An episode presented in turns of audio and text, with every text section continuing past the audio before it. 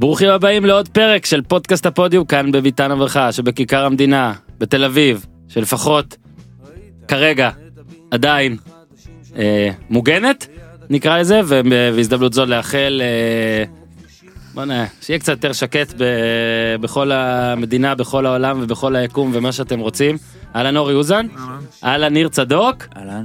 ו- יש לי, צריך להגיד, יש לי שחקנים שמשחקים באשקלון ובאשדוד, ובאמת, הייתי אומר דין תל אביב כדין אשקלון, אני גר בתל אביב, אבל לא לעניין. כן, מבאס ומבאס שזה כבר נהיה רגיל. באמת, כי זה באמת, אני, הוא, אתה יודע, הילד שולח הודעות לפני האימון, לא יכול, לא יכול לצאת ולא ישנים בלילה.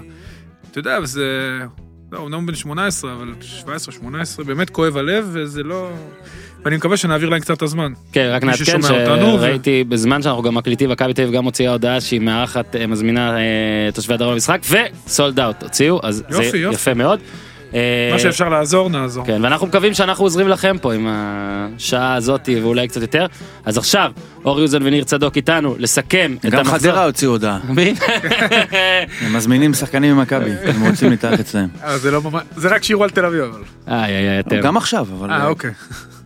אהבתי מאוד. אה, אז אה, כן, בהמשך הפרק, ראיון שהקלטתי עם אה, איתן עזריה, היועץ המאמן המנטלי של הפועל באר שבע שבא אה, להסביר אה, או להתייחס למצב הפחות טוב אה, של קבוצתו, הוא מדבר הרבה שם על דרך לעומת תוצאות, מן הסתם אני איש משעמם שכמוני התעניינתי מאוד בתוצאות של באר שבע.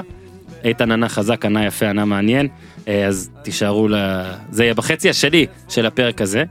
אבל אה, קודם כל מסכמים את המחזור מה זה ניר השלושים ושניים בפלייאוף התחתון שהוא הפלייאוף היחיד. 33 בפלייאוף העליון. כן, אבל- 33 ושליש. כן בוא נגיד אז אה, רק ה-32 היה מעניין נזכיר בימי שלישי אה, ביום שלישי יוקלט פרק אה, משחקי הכס אולי הפעם ניר כבר יראה בזמן ולא נעשה לו ספוילרים.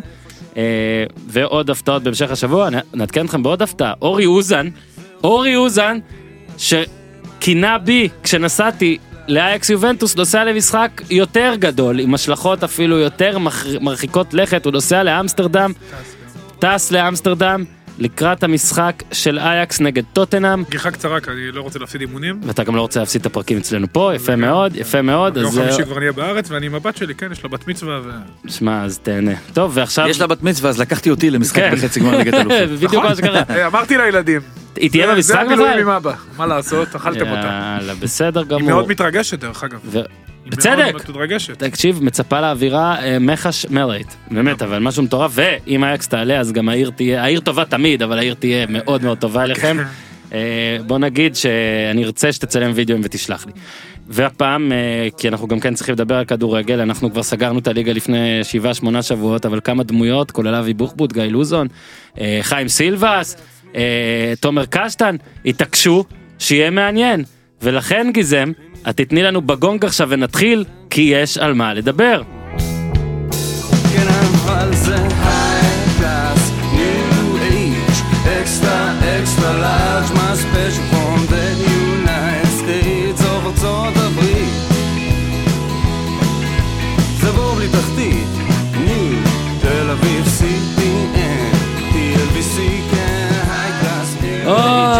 איזה יופי ואתם התלוננתם שהכל גמור ושלמעלה אין על מה לשחק ושלבעת אשדוד משחקים כבר ירדו וכשאני אומר אתם אני מתכוון גם אליי. אבל הנה גם אם אשדוד כן תרד לפחות זה יהיה במחזור האחרון. זאת אומרת דרמה כן מסוימת ניר מסוימת תן לי מסוימת אני כבר רואה אותך מרים גבות. מסוימת? לא, מסוימת. תהיה. מאוד מסוימת. ונפרדנו מבניון כשאתה יודע אגב משחקי הכס כבר הותר ספוילר קטן לפרק שהיה בשבוע שעבר הם אהבו לסגור מעגלים שם המון מעגלים מהעונה הראשונה מהפרק הראשון של העונה הזאת אז בניון שנולד אלינו עם החמצת פנדל גם הולך מאיתנו עם אה, החמצת פנדל לפחות הוא ש- גיוון, שינה פינה. שינה פינה אה, אני לא, לא אבל הוא שם את הריבאונד, לא? בב- אז הוא שם באר את שבע הריבאונד? שם את דרך הריב- אגב- שם את הריבאונד וירד עכשיו הוא החטיא את הריבאונד ולוזון ירד בגלל אם זה. אתה לא. זוכר במכבי תל אביב, גמר גביע, טדי, אותו שער, פנדל, בעט לפינה השנייה. זובס סובס לקח לו. זה הפנדל שיכול גמר, להביא... חצי גמר 2000 אותה מכבי חיפה. אותה נקודה, כן. אותה נקודה לא, אותה נקודה בטדי אני מדבר. תגיד חצי גמר זה לא היה נגד הפועל תל אביב מכבי חיפה 2000 גם בעט נראה אלימלך עצר אבל לא כן, טועה. אבל לא, לא בטדי, אני מדבר על לא, אותה לא, אני אומר. נקודה, הוא חזר כן, הוא לאותה לקח, הוא נקודה. הוא היה מהמחטיאים? אני כן אוזן דבר למיקרופון טיפה אני יודע שאתה כבר נרגש יוצא להולנד והכל בואנה לא דיבר למיקרופון והוא אפילו לא עשית את הסלפי אין לך אז תירוץ. יוסי בניון שחקן ענק, אולי איך הגדול הוא שלו הודה שהיה אגב פה. בשידור איתכם בועט הודה פנדלים שהוא לא טוב. עכשיו היה הוא מצחיק. בעט- הוא בעט בפנדל הזה את הפנדל ההוא. לגמרי. שבגלל זה הוא שינה את הפינה. עכשיו אני לא אני מאתגר את העכברים המעולים שמאזינים לנו במציאת פנדל טוב של בניון אוקיי אגב פנדל פנימה גם טוב אבל פנדל טוב בכלל טוב אני מאתגר בוא נראה אה, יש מספיק אנשים שאמורים למצוא אני אני נשבע אני לא זוכר כזה אה, אז באמת אה, פסטיבל בניון בוא נגיד אה, בעיניי היה בסדר גמור והעברתם שידור יפה גם בסוף הוא בא אליכם גם עשיתם לו הפתעות. אהבתי גם ששרון דוידוביץ' שאל אותו מתי בכית לאחרונה? זה היה ממש ממש טוב. אז אה, זה היה ממש יפה. אורי עוד איזה עוד איזה שהיא עוד איזושהי התייחסות בניונית לפני שנתחיל אה, לנתח את המשחק כי היה, שהיה מאוד חשוב. כן, בניון גם יצא לו הכל חוץ מהפנדל בצורה, כן, בישל שער גדול, היה בסך הכל משחק לא רע. היום יש לו יום הולדת, אז גם מגיע מזל לו טוב. מזל טוב, עם הילדים והאישה ושחקני העבר, אני חושב שעשו לו, ילדים היה יפה ביתר אה, נתנו לו, שוב, ביתר זה המועדון שהוא הכי פחות השפיע בו אולי. אה, זה מועדון שידע איך לכבד אותו, יפה מאוד מצידו של משה חוגג. כל הכדורגל הישראלי, אני מניח שיהיה עוד משהו, כי הוא בכל זאת ציינו הופעות בנבחרת, סגן מלך השערים בכל הזמנים אחרי שפיגלר. באמת שחקן שעשה, לא הרבה שחקנים, היו להם ציפיות כאלה מגיל 15-16, כן. בוודאי בעולם הנוכחי שהוא הרבה יותר מתוקשר ומלחיץ, והצליחו לא לעמוד בהן, להתעלות עליהן. אז על, אה, על זה מגיע לו כל המחמאות, ו... כן וגם ניתחת אה, כבר דיברנו על מה אתה חושב שהוא צריך לעשות אה, בעתיד הקרוב המקצועי. כן. יש לא לו נחזור- החלטה אחת, אתה רוצה כן, לחזור על לא, זה שוב? אני לא אחזור, אני אגיד שיש לו החלטה אחת שתהיה קריטית לעתידו. יוסי היה במקומות שהוא יודע מה החשיבות של תפקיד המנהל המקצועי, והבחירה הכי חשובה של מנהל מקצועי היא של המאמן, ושיתוף הפעולה ביניהם הוא קריטי. אני אמרתי מי אני חושב שצריך להיות שם. אני חושב שהוא צריך למצוא מישהו שהוא יהיה לו תוספה משותפת, שיהיה להם עין משותפת מבחינה מקצועית, כי על זה הוא יקום וייפול. כי אין הרבה סבלנות. אלי אוחנה, שעומד לצידו, יודע את זה, הסמל הכי גדול של בית"ר, חזר לשם בליגה שנייה, בסופו של דבר לקהל לא הייתה סבלנות אליו, שהוא לא הצליח על הקווים. אה, אז אני חושב שיוסי יהיה באותו מצב, הוא חייב, אה, בהחלטה אתה הזאת, רוצה כבר להגיד לו לקחת את אבוקסיס שוב? אמרתי לו לקחת את אבוקסיס. אני בסדר. חושב שזו ההחלטה הכי...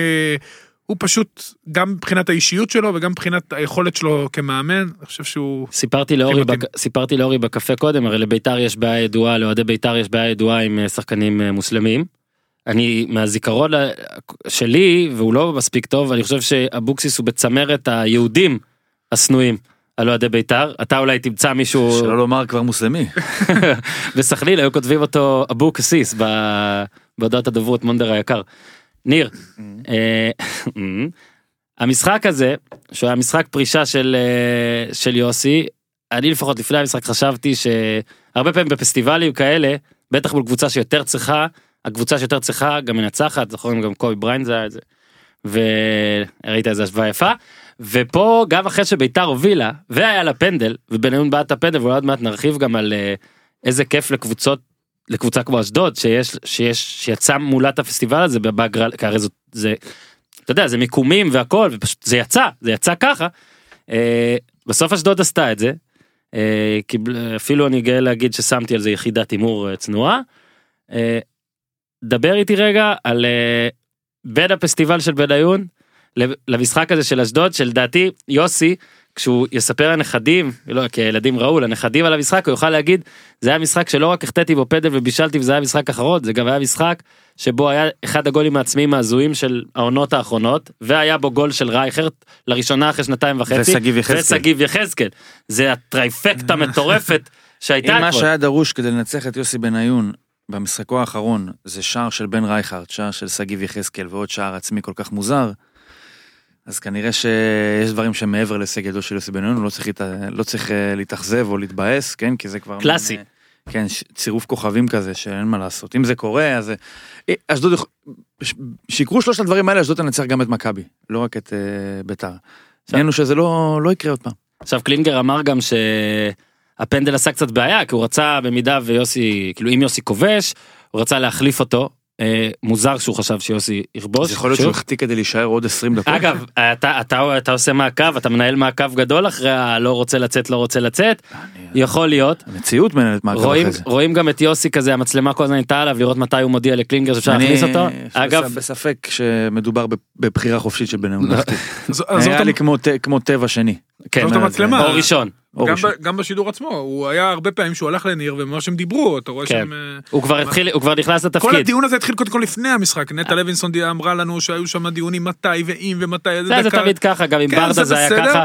שאגב, אה, יוסי נראה לי כבר בטח התחיל. אה, ברדה דרך אגב מה שקרה לו, בגלל מה שקרה לו כן. אה, פיזית, אז הוא... לא יכל יותר זה, אבל כמעט. פספסו את זה. אה, יוסי באמת יהיה מנהל מקצועי ויש לו, שמע, לא היה צריך את המשחק הזה כדי לתת את הקלישאה של יש לו הרבה עבודה, אבל אה, ניר, אה, ראינו שקלינגר חזר, ביתר שוב נראתה די פתטי בהגנה, ברצון, במחויבות, בהכל, אה, וניסן יחזקאל, שאתה אה, כתבת בטורך האחרון על הפוסט האחרון שלו שהיה בפייסבוק, אה, האם אתה רוצה גם להקריא את הפוסט הקודם? יש לך אותו בשלוף? או לא הקודם, את הפוסט החדש. את הקודם אתה לא רוצה אה, להקריא? הקודם. כן, הקודם אני- אצלך אורי? כן. איפשהו בטלפון ששלחנו, תביא לי אני אקריא. אתה תקריא? אתה אתה תקריא. אתה תקריא. לא משנה מי יקריא. אני אקריא טוב, אני אתה אקריא. תקריא למען ההמשכיות. אז רק אני בינתיים אגנוב קצת זמן עד שאורי מוצא. אה, ניסן, יח- אוקיי. סע, ניסן יחזקאל לפני לי- שבוע, אה, לא. לפני שבוע ניסן יחזקאל כתב שלושה ניצחונות רצופים, שלושה סימני קריאה, 11 נקודות מתוך 15 וללא הפסד חמישה משחקים. התקופה היפה של בית"ר ירושלים העונה, ומלווה לזה תמונה של ניסן יחזקאל לבדו. עכשיו, המ- מה שכתבתי שבוע שעבר זה שאם, אתה יודע, אתה יכול להגיד, טוב, אולי פה איזה הבלטה של רצף סטטיסטי מסוים, אבל לא נראה לי שזה העניין, כי הוא לא הוסיף אחרי זה משהו כמו, אתה יודע, ואגב, זו הפעם הראשונה שביתר מנצחת בצפון משער של אה, אופיר קריאף ברגל. שמאל לחיבוק, כן, הוא לא הוסיף את זה. ואם הכוונה הייתה לציין רצף מוצלח, היית אומר 9 מ-9, לא 11 כן. מ-15, נכון? 9 אז מ-9 רגע, ניר, הוא בעצם. כתב את המשחקים שבהם הוא אימן? הוא הוסיף את שני המשחקים, הוא הסכים להתפשר עם הרצף. והכניס שני כן. התיקו הראשונות יחד איתו, לארג' יענו. ובעצם בנה פה איזושהי תקופה, אתה יודע, התקופה יש ההלניסטית, כל מיני כאלה. הניסן יחזקאלית. בדיוק. והוא שם את התקופה הזאתי, בעצם מה שהוא אומר כאן זה, ברור לכם מי, מה השתנה ברגע שבאתי, מי כאילו- הלך ומי, העונה היא מי לפני שיפר ואחרי בדיוק. בעצם. כל הפוסט הזה בעצם אומר מחק את המיותר, כן?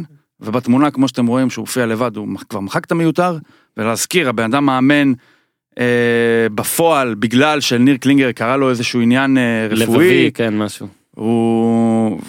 הפוסט הזה נכתב כשקלינגר כבר חזר לקווים, זאת כן. אומרת בעודו בתפקיד ובחיים הפוסט הזה נכתב. זאת אומרת, לא שהגופה התקררה, אין גופה. ועכשיו יש לי פוסט חדש! הפוסט החדש של ניסן יחזקאל כביכול.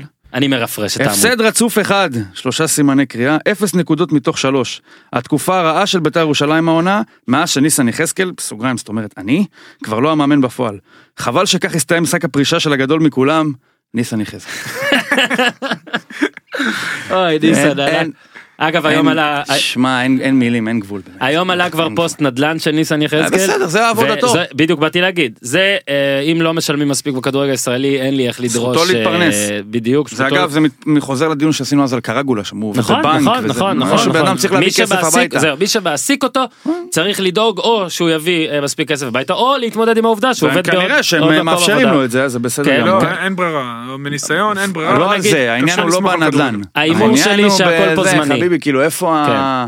קולגיאליות, נאמנות. מיליגרם בושה, כאילו, כן, מיליגרם. אגב הם גם ביחסים טובים אבל לא זה לא איזה לא- הנחתה לא בטוח. לגמרי. לא? אגב, אם מישהו חושב שניתן לפרש את הפוסט המקורי בצורה אחרת, שיכתוב לי. זה מוז- מוזמן להגיד, אני לא חושב שאפשר לפרש את זה לא, אחרת. זה... שוב, עבדתי גם כעוזר מאמן, צריך להגיד, אה, תקופות, גם כ... תמיד חתרת, שונים. תמיד חתרת. להנאתי, בן אדם. מספר שאתה חתרת, אני עוד פעם אומר, יש, אתה יושב עם אותו בן אדם בחדר, לפעמים גם נוסע איתו באוטו, אני לא יודע בדיוק מה סידורי הנסיעה ביניהם, לפעמים מוכר לו מרפסת. לא, לא מבין את זה. אני, גם, אני באמת לא מבין, אתה יודע, גם אם רצית להאדיר את הישגיך, קודם כל זה לא רק אתה, אה. מן הסתם הבן אדם היה שם קודם, תן לאחרים גם אולי?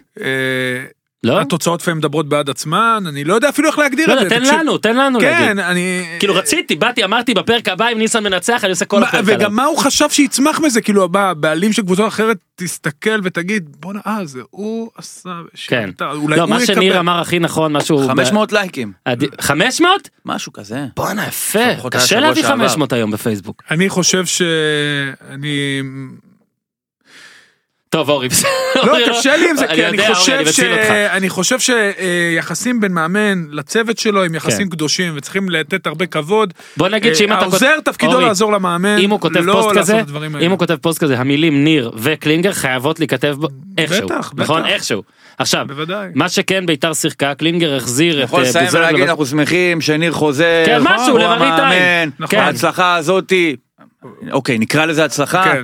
אגב, ומה גם- שיפה, גם לו יש חלק בה, מה זה גם לא יש חלק? של שנינו ביחד. אמנם הוא לא היה בסדר. פה, אגב, בסדר, מה, אנשים עם, להתפתל, אנ- לצאת מזה. אנשים עם קלאס, אגב למשל סילבס, שאפשר לבקר מקצועית ואנחנו בטח נבקר עוד מעט מקצועית ואפשר להלל ואפשר מה שאתם רוצים, קלאס זה כשהוא מנצח אחרי 11 הפסדים רצופים או 12 הפסדים רצופים, 12 משחקים בלי ניצחון של מימר, הוא עדיין מתראיין ואומר בדוגרי 11. הניצחון הזה של מימר, נכון. אוקיי?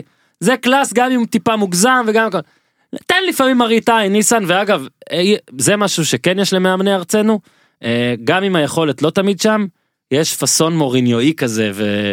ועוד מעט ניגע בעוד מאמן שאנחנו נוגעים בו מדי פעם אה, ג' ל' עם, ר- עם ציטוט כן, ציטוט פאסון, נפלא שירה בתנועה אבל קוד, אגב בפאסון. שירה בתנועה קודם כל רגע בית"ר אז אתמול אורי בטיפה כן אתה אורי מחשב כן, מי זה עכשיו סבבה כן, הוא כן. בא ממשפחה כן, מבוססת. כן, אמרת, אמרת. עכשיו המשחק של ביתר ועוד שנייה ניגע באשדוד המשחק של ביתר הראה שוב אמרתי את הקלישאה יוסי בלוי יש הרבה עבודה אה, נראה שבכל חלקי המגרש אה, כבר דיברנו אה, מספיק על מה לדעתך הוא צריך לעשות ספציפית רגע על אה, ממש בקצרה גם אורי האם לדעתך אין שום סיכוי שקלינגר ימשיך תשמע, זה תלוי בטיב היחסים בינו לבין בניון. אני לא אם רואה... בניון קרא את הפוסט של ניסן, כן. אולי הוא יעסיק את ניסן אם הוא, לא יודע, אם הוא קרא אז ש- קלינגר לא יעבוד. אני חושב שיוסי אה, צריך, שוב, משימה ראשונה, למנות מאמן, ולשבת אז עם המאמן ולבנות לבנות נכון את הסגל, הסגל בנוי רע, זרים המצב לא טוב, אין כלום. שמע אתמול גם באמת היה משחק פרישה של אה, ניר ציין אה, זה גם חטאב ווודוץ כן, ממש. כל השדרה, חטב דרך אגב יש לו מעורבות בפנדל, הוא גם ניסה לחקור שם, גם עשה. בלאגן, גם עיכב, גם אחר כך בחילוף שהם בפיגור. היה יותר הגיוני שיוסי יבעט באוביידה ולא בכדור אחרי... חילוף. טוב מאוד של אה, בוחבוט ואוחיון, להוריד את זהו. הרוס, הוא בלם. עוד שנייה נוגעים בלהם, משפט. אחרון סגור לי את בית"ר, אז משפט. אני אומר, הוא צריך, השדרה, ביתר יש לה בעיה. הסגל שנבנה השנה היה רע מאוד, אין גם מספיק עוגנים. העוגן שחשבנו, איינבינדר, אולי הוא עוגן חברתי, מבחינה מקצועית הוא גם נראה בירידה, אבל יכול להיות שזה קשור לקבוצה, כי איינבינדר הוא ניזון מהקבוצה. אה, מרכז ההגנה לא מספיק טוב, אין מגנים אה, מספיק טובים. איתמר ניצן הוא נקודת אור בוד- ממש אה, יחידה שם בכל האפלה. שגם היה את הגול אחד המוזרים שעבר בש- בין כולם, כן קשה להשיב אבל זה קרה לו כבר. כדי שביתר תצליח היא צריכה קודם כל מאמן טוב ושדרה מרכזית ושם היא יוסי חייב לפגוע בזרים. והוא צריך לדעת איך לעבוד מהר מאוד עם סוכנים מה הסכומים איך אפשר להביא. העברות חופשיות אה, כי גם אה, שוב זו, על, פה הוא יימדד לצערנו בארץ אין סבלנות עבודה של מנהל מקצועי צריכה להימדד לאורך שנים זה לא יקרה ותנאים פה תנאים פיננסיים הוא יקבל, כן כפי הנראה, אלא אם כן לא יקרה איזה מעשה אבל הזוי. צריכים מהפך נכון, ביתר נכון. יש לה סגל אולטרה בעייתי אני חושב כן. שביתר ובאר שבע הם שתי הקבוצות של חוגג. של כן, שהם במצב הכי גרוע. כי הם צריכות ממש, אין להם, אין להם בסיס, מכבי חיפה יש בסיס. מכבי תל אביב כמובן מיותר לציין, ביתר ובאר שבע, כן, אבל יש המון איפה לפגוע עכשיו. כן. יש, עשו ככה בטעויות שיש כל כך כן, הרבה זה טוב מקומות ליוסי לשנה לתקן. ראשונה. כן. יש המון איפה לתקן. כן, אגב, לא, זה לא אבל זה נכון- לא שמיכה רק קצרה של לבית"ר. המטפחת. זה גם נכון לבאר שבע אני חושב. שקצת קצת נקפוץ אבל באמת שאתה עושה כל כך הרבה טעויות אז יש לך באמת כל כך הרבה מקומות לשפר אז בטוח משהו תצליח. זאת אומרת יהיה קשר אחורי אולי יותר טוב מטפוקו אוקיי? יהיה, יהיה זרים יותר טובים מהנסטיס וסטו. יהיה יחסי אנוש יותר טובים מאשר היו עם בן סער וחנן ממן. זאת אומרת לא, לא כבר אי אפשר להביא עוד פעם את בן בסט וחן עזרא כן? אי אפשר זהו עוברים צעד, אה, אמנם באמת אשדוד הייתה לפחות בעיניי אה, פייבוריטית במשחק הזה, אה, מתוקף זה שהיא צריכה את הנקודות, עדיין, צריך לסכם רגע, אחרי חמש אחת שהיא חטפה מהקבוצה הסוערת של רפואה, אגב, אה, כמה גולים פתאום יש להפועל תל אביב. אה, אשדוד- הפרש השערים השלישי בטבעו בליגה. מדהים, מה רק תל אביביות, לא מכבי בני יהודה הפועל, כן. יפה מאוד, אין, זה תל אביב, בועה. אה, בקיצור, אשדוד, 3-2 על קריית שמונה, 2-1 בחוץ על רעננה, שקשה מאוד לנצח את רעננה בבית.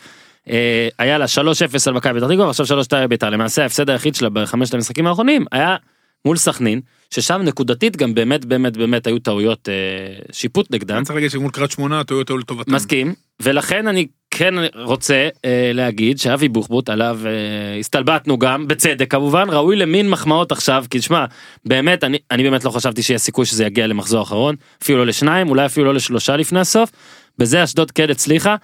ל- אני כן חייב להגיד שאתמול היה משחק מאוד מוזר. ואשדוד גם נהנתה מגול עצמי שאגב ראינו הרבה עצמים מוזרים זה באמת מוזר הוא גם כולל ארבעה שחקנים שונים שעשו משהו ספציפית בשנייה מסוימת כדי זה יקרה. ושוב אני אומר לו אשדוד במשחק אחר מול קבוצה אחרת שלא חוגגת את אה, סוף קריירה של אחד השחקנים הגדולים ולא נותנת לו אחד הבועטים הכי חלשים בפנדל ללוות פנדל זאת אומרת זה היה כבר 2-0 זה היה גמור אשדוד נהנתה מזה. ואורי במחזור האחרון כבר נעשה נגיעות היא נגד הפועל חיפה. שהפועל חיפה אה, בערך טעיתי בכל כל חיפה אה, זה קבוצה שמתאמצת. כן רק לאן בניגוד למי? למה בניגוד לביתר, נו כן בניגוד למי עוד הפסיד אתמול אה, שלא היה טוב ללוזון? כולם בניגוד לאולי... אה, הפועל הפועל חיפה זה היה טוב ללוזון שהפסידו. כן, בניגוד לרעננה אולי שלא ניצחה, רק עשתה תיקו.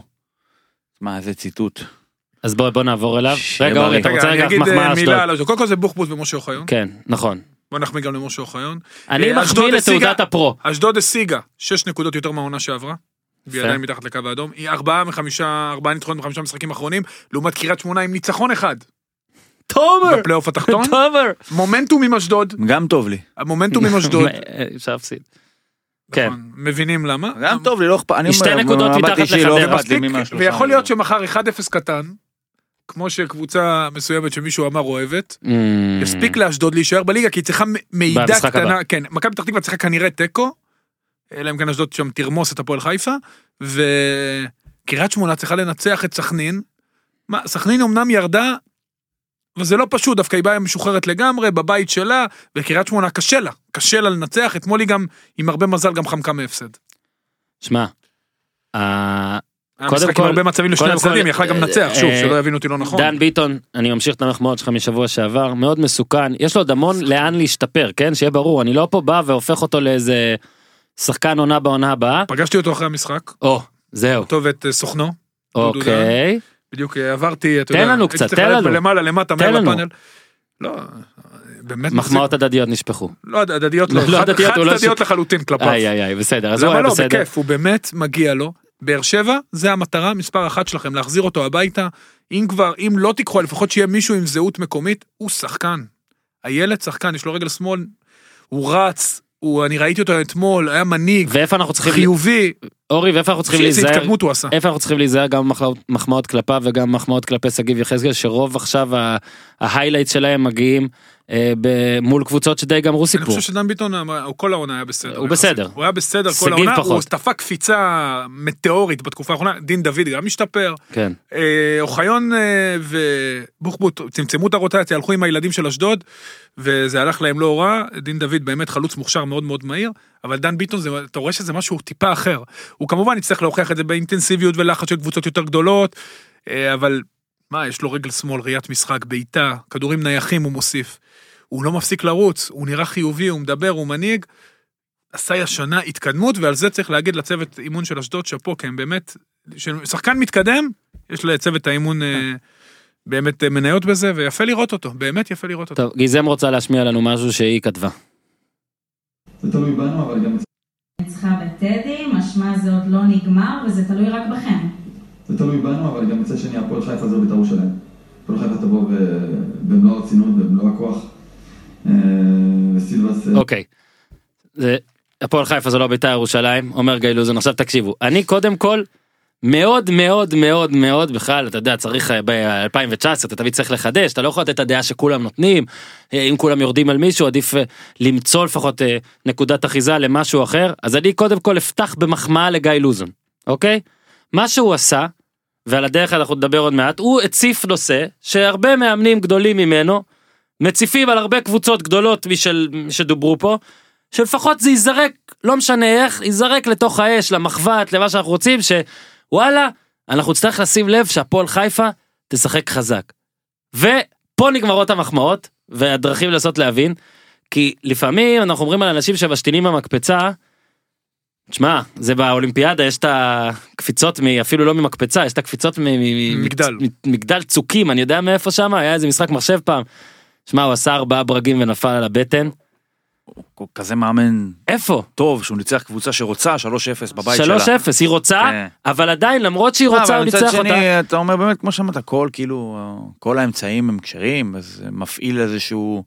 כן, שם אנחנו את גם הפיל נשמע את בחדר המאמנים של. הפועל חיפה, לא, אני לא מצדיק את זה. לא, גם הייתה... אני אומר את את השם של- הפסיכולוגיה שלו. כן, אבל יש שם רגע, עוד מילה קטנה לפני שאתה ממשיך, הוא אמר גם את השם של סילבס, כי זה- זה גם התרסה כלפי קלינגר. כן, יש ביניהם, אה, לא רוצה להגיד דם רע, אבל אה, לא עושים את זה. צואה רעה, או משהו אה, ביניהם. אולי על יחזקאל? לא, לא. לא? אה, אוקיי. אומרים ש- אומרים שקלינגר. עכשיו, מה אומרים? זה משתמע, זה מפורש, אתה יודע. עכשיו, עכשיו עוד לא, משהו. אבל רגע, רגע, אני רק. רוצה להגיד משהו בכללי על לוזון. אבל אגב, אתה- אותה קבוצה, בית"ר ירושלים, שלו זה. זה שני נתנה הצדדים לו של ארבעה המשפט. שערים לפני שבועיים. והוא הוא זה שריסק אותה, בין היתר, גם הוא. בלי שהוא, אתה שמע, יודע, בלי שהיה לה על מה לשחק. הוא סימן וי השתנה ממקפצה בכל הבהרה במשפט הזה. עכשיו, זה... שוב, אמרתי, אפשר למצוא גם דברים חיוביים, אנשים גם שלחו לי הודעות אה, בשבוע שעבר, כאילו אני או המערכת פה, יש לנו איזה משהו נג, נגד לוזון. עכשיו, אולי קצת, אבל סתם לא. לא, לא, חלילה, אין שום אני דבר, ממש- גם אתה ציינת אורי, שאתם כן, גם יחסים טובים. מה אבל כל מה שאני מנסה לטעון על לוזון הוא סיפק אתמול במשפט הזה. לוזון הוא כאילו שונא אמפתיה, הוא לא רוצה בחיים שיהיה מישהו לטובתו, שיהיה מישהו שירחם עליו, שיהיה מישהו שירצה שהוא ינצח. וגם אתמול, אגב באמת ניר אמר נכון, זה גם קבוצה שהרגע נתת לה 3-0 ב- בבית שלה. זאת אומרת איך אתה יכול לטעון שהיא לא בית"ר ירושלים, קבוצה שפירקה אתה אותך ושאתה פירקת אותה. אתה יכול לטעון, ואז המשתמע מזה, זה שאתה כל כך טובים שניצחתם אותם למרות כן. שהם רוצים. אתה אדיר, אתה, אתה, אתה ברסה. עכשיו, ובמשפט הזה לוזון שוב גורם לכולם לצחוק עליו ולרדת עליו ולהתעצבן אפילו עליו, כי אם זה בית"ר- נותן בבית"ר לו התעצבנו. עוד חמישה אחוזים להישאר בליגה בשבוע הבא, אז זה שווה, כי אם הוא ירד ליגה, יצחקו עליו פי 40 ממה שצחקו עליו אחרי האמירה לא, הזאת. בכך התחלתי, שבסופו של דבר הוא לא עשה משהו, שם את הפיל הוא- בחדר הזה של הפועל נכון. חיפה ואומר חבר'ה לא אני אומר שלא התאמצתם אבל יגידו שלא התאמצתם. אתם לא בית"ר? לא יגידו שלא התאמצתם אז בואו תקחו את המחשב עם המחשבה הזאת תלכו לאשדוד. הוא שם מה יש לו להפסיד? אין לו מה להפסיד. הוא שם פיל ורוד שאין בספארי, כי זה לא, אמירה באמת לא לעניין. לא, הוא אני פשוט חושב שהוא כנראה אוהב את הפוזיציה. הוא בדיוק. אוהב את הפוזיציה. להיות הנבל, שה- האנדרדוג. האנדרדוג. גם החגיגות שלו אחרי השער, תשמע, נכון, לכל אחד יש את הסגנון שלו. כן. אתה יודע, אתה יודע ש... אתה יודע ש... בסדר, אין פה טלוויזיה, אבל אני עושה... לא, קודם כל, רגע, רגע, כל אחד באמת יכול לחגוג איך שהוא רוצה. לא, לא, אני לא מעביר ביקורת. אני רק אומר דבר אחד. אחרי חגיגות גולים של גיא לוזון, אני נהיה צרוד. אתה מבין? אני רואה איך הוא צורח ואני נהיה צרוד. זה שוב, אבל אני אני חושב שהחגיגות. האלה, החגיגות האלה הם חלק בדיוק מה- מהציטוט הזה. האנדרדוג שנגד כל העולם וכולם נגדי וכולם נגדי. דרך אגב זה מה שהרים אותו ועשה אותו זה חלק מה-DNA שלו של המועדון. אגב, חו- בגלל זה אולי בקבוצות גדולות יותר, שבהן לו אנדרדוג. זה לא לא, טוב. אבל בוא ננתץ את זה רגע את האנדרדוגיות הזאת כי לקראת המחזור הקרוב הוא צריך לעשות תיקו נגד הפועל תל אביב הוא נשאר בליגה. קבוצה שסיימה את העונה אה, עכשיו. אתמול באופן רשמי. אבל מצד שני כמו שאנחנו יודעים יש קבוצות שמתאמצות ויש קבוצות שלא מתאמצות ככה שלא יודע איך הוא מקטלג את הפועל אבל אנחנו נחיה ונראה. יכול להיות שאם הפועל ינצחו אותו ויורד ליגה, אז הוא להגיד איזה מין דבר זה, קבוצה שמתאמצת, כן. יכול להיות שזה יתהפך כן, כן, לזה. לא הגיוני שאתם מתאמצים ועכשיו עכשיו. גם הפועל, אתה יודע, עם כל מה שקורה שם עם רפואה, לא כל כך ברור לאיפה זה הולך, אז אני חושב שהפועל לא בא. באידיאל למשחק הזה. גם לא קבוצה מספיק טובה בשביל לנצח משחק שלא חשוב לה, או שאין לה בו איזה משמעות, בטח גם תהיה איזושהי נפילה אחרי זה שסוף סוף גמרנו עם הדבר הזה ובאמת נשארנו בליגה והכל מאחוריהם. אני חושב שפתח תקווה,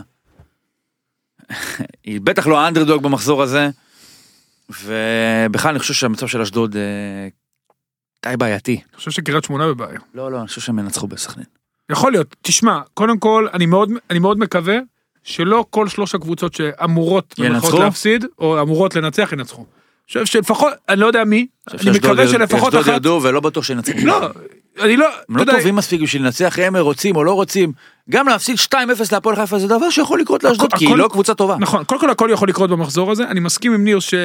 הפועל חיפה יכולה לא להתאמץ ולנצח 2-0 את אשדוד. כן, אגב, אבל- אבל בטח המשחק- אחרי משחק כזה, שוב, כי סילבס כן רוצה להראות מין משהו אחר לקראת העונה הבאה, כן, אבל זה ושחקנים גם אמרו לידו לפני רוצים... המשחק לה- נגד מכבי אני אומר- פתח תקווה, והוא אז- קיבל שלוש אז זה. מה שאני אומר, שלפעמים דווקא עוד אחד כזה כן גורם לך, נגיד היה נראה לי יותר טוב, שוב, ברור שזה גם לא תמיד פוגע. גם יכול להיות, היה להיות שאשדוד תפסיד לביתר. אבל יש מין משהו יותר טוב בזה שקבוצה מגיעה שהמאמן טיפה יותר צריך את זה, וסילבס אחרי הפסד כזה, שזה הפסד גרוע עבורו אגב. יכול להיות מפוטר אם הוא יפסיד לאשדוד. שמע, לא פוסל, לא פוסל. תשמע, אני עוד פעם, אומר, אני חושב שיהיה מתח, יהיה יופי שם לחזור, המחזור כולו ביום ראשון, אה, בערב. אני מקווה שגם באשדוד, אתמול היה צופה אחד מאשדוד. אני ג'קי? ניסיתי, כן, מאחורי כן. השער. שאגב, ו- באמת, זה גם יום ספציפי שלא יכול לבוא בטענות אה, לאוהדים שגרים בעיר שקוראים דברים, אבל בוא נהיה הוגנים. יכול להיות שאוהדי לא, אשדוד... בוא נהיה הוגנים, אה, הם לא באים אף פעם. רגע, בבית אין קהל. בוא נקווה שעד יכול להיות אז שהם יהיה הגיעו רגיעה, וישבו ביציע של ביתר בשביל או ש- לכבד את בניון. או שהם היו בממ"ד.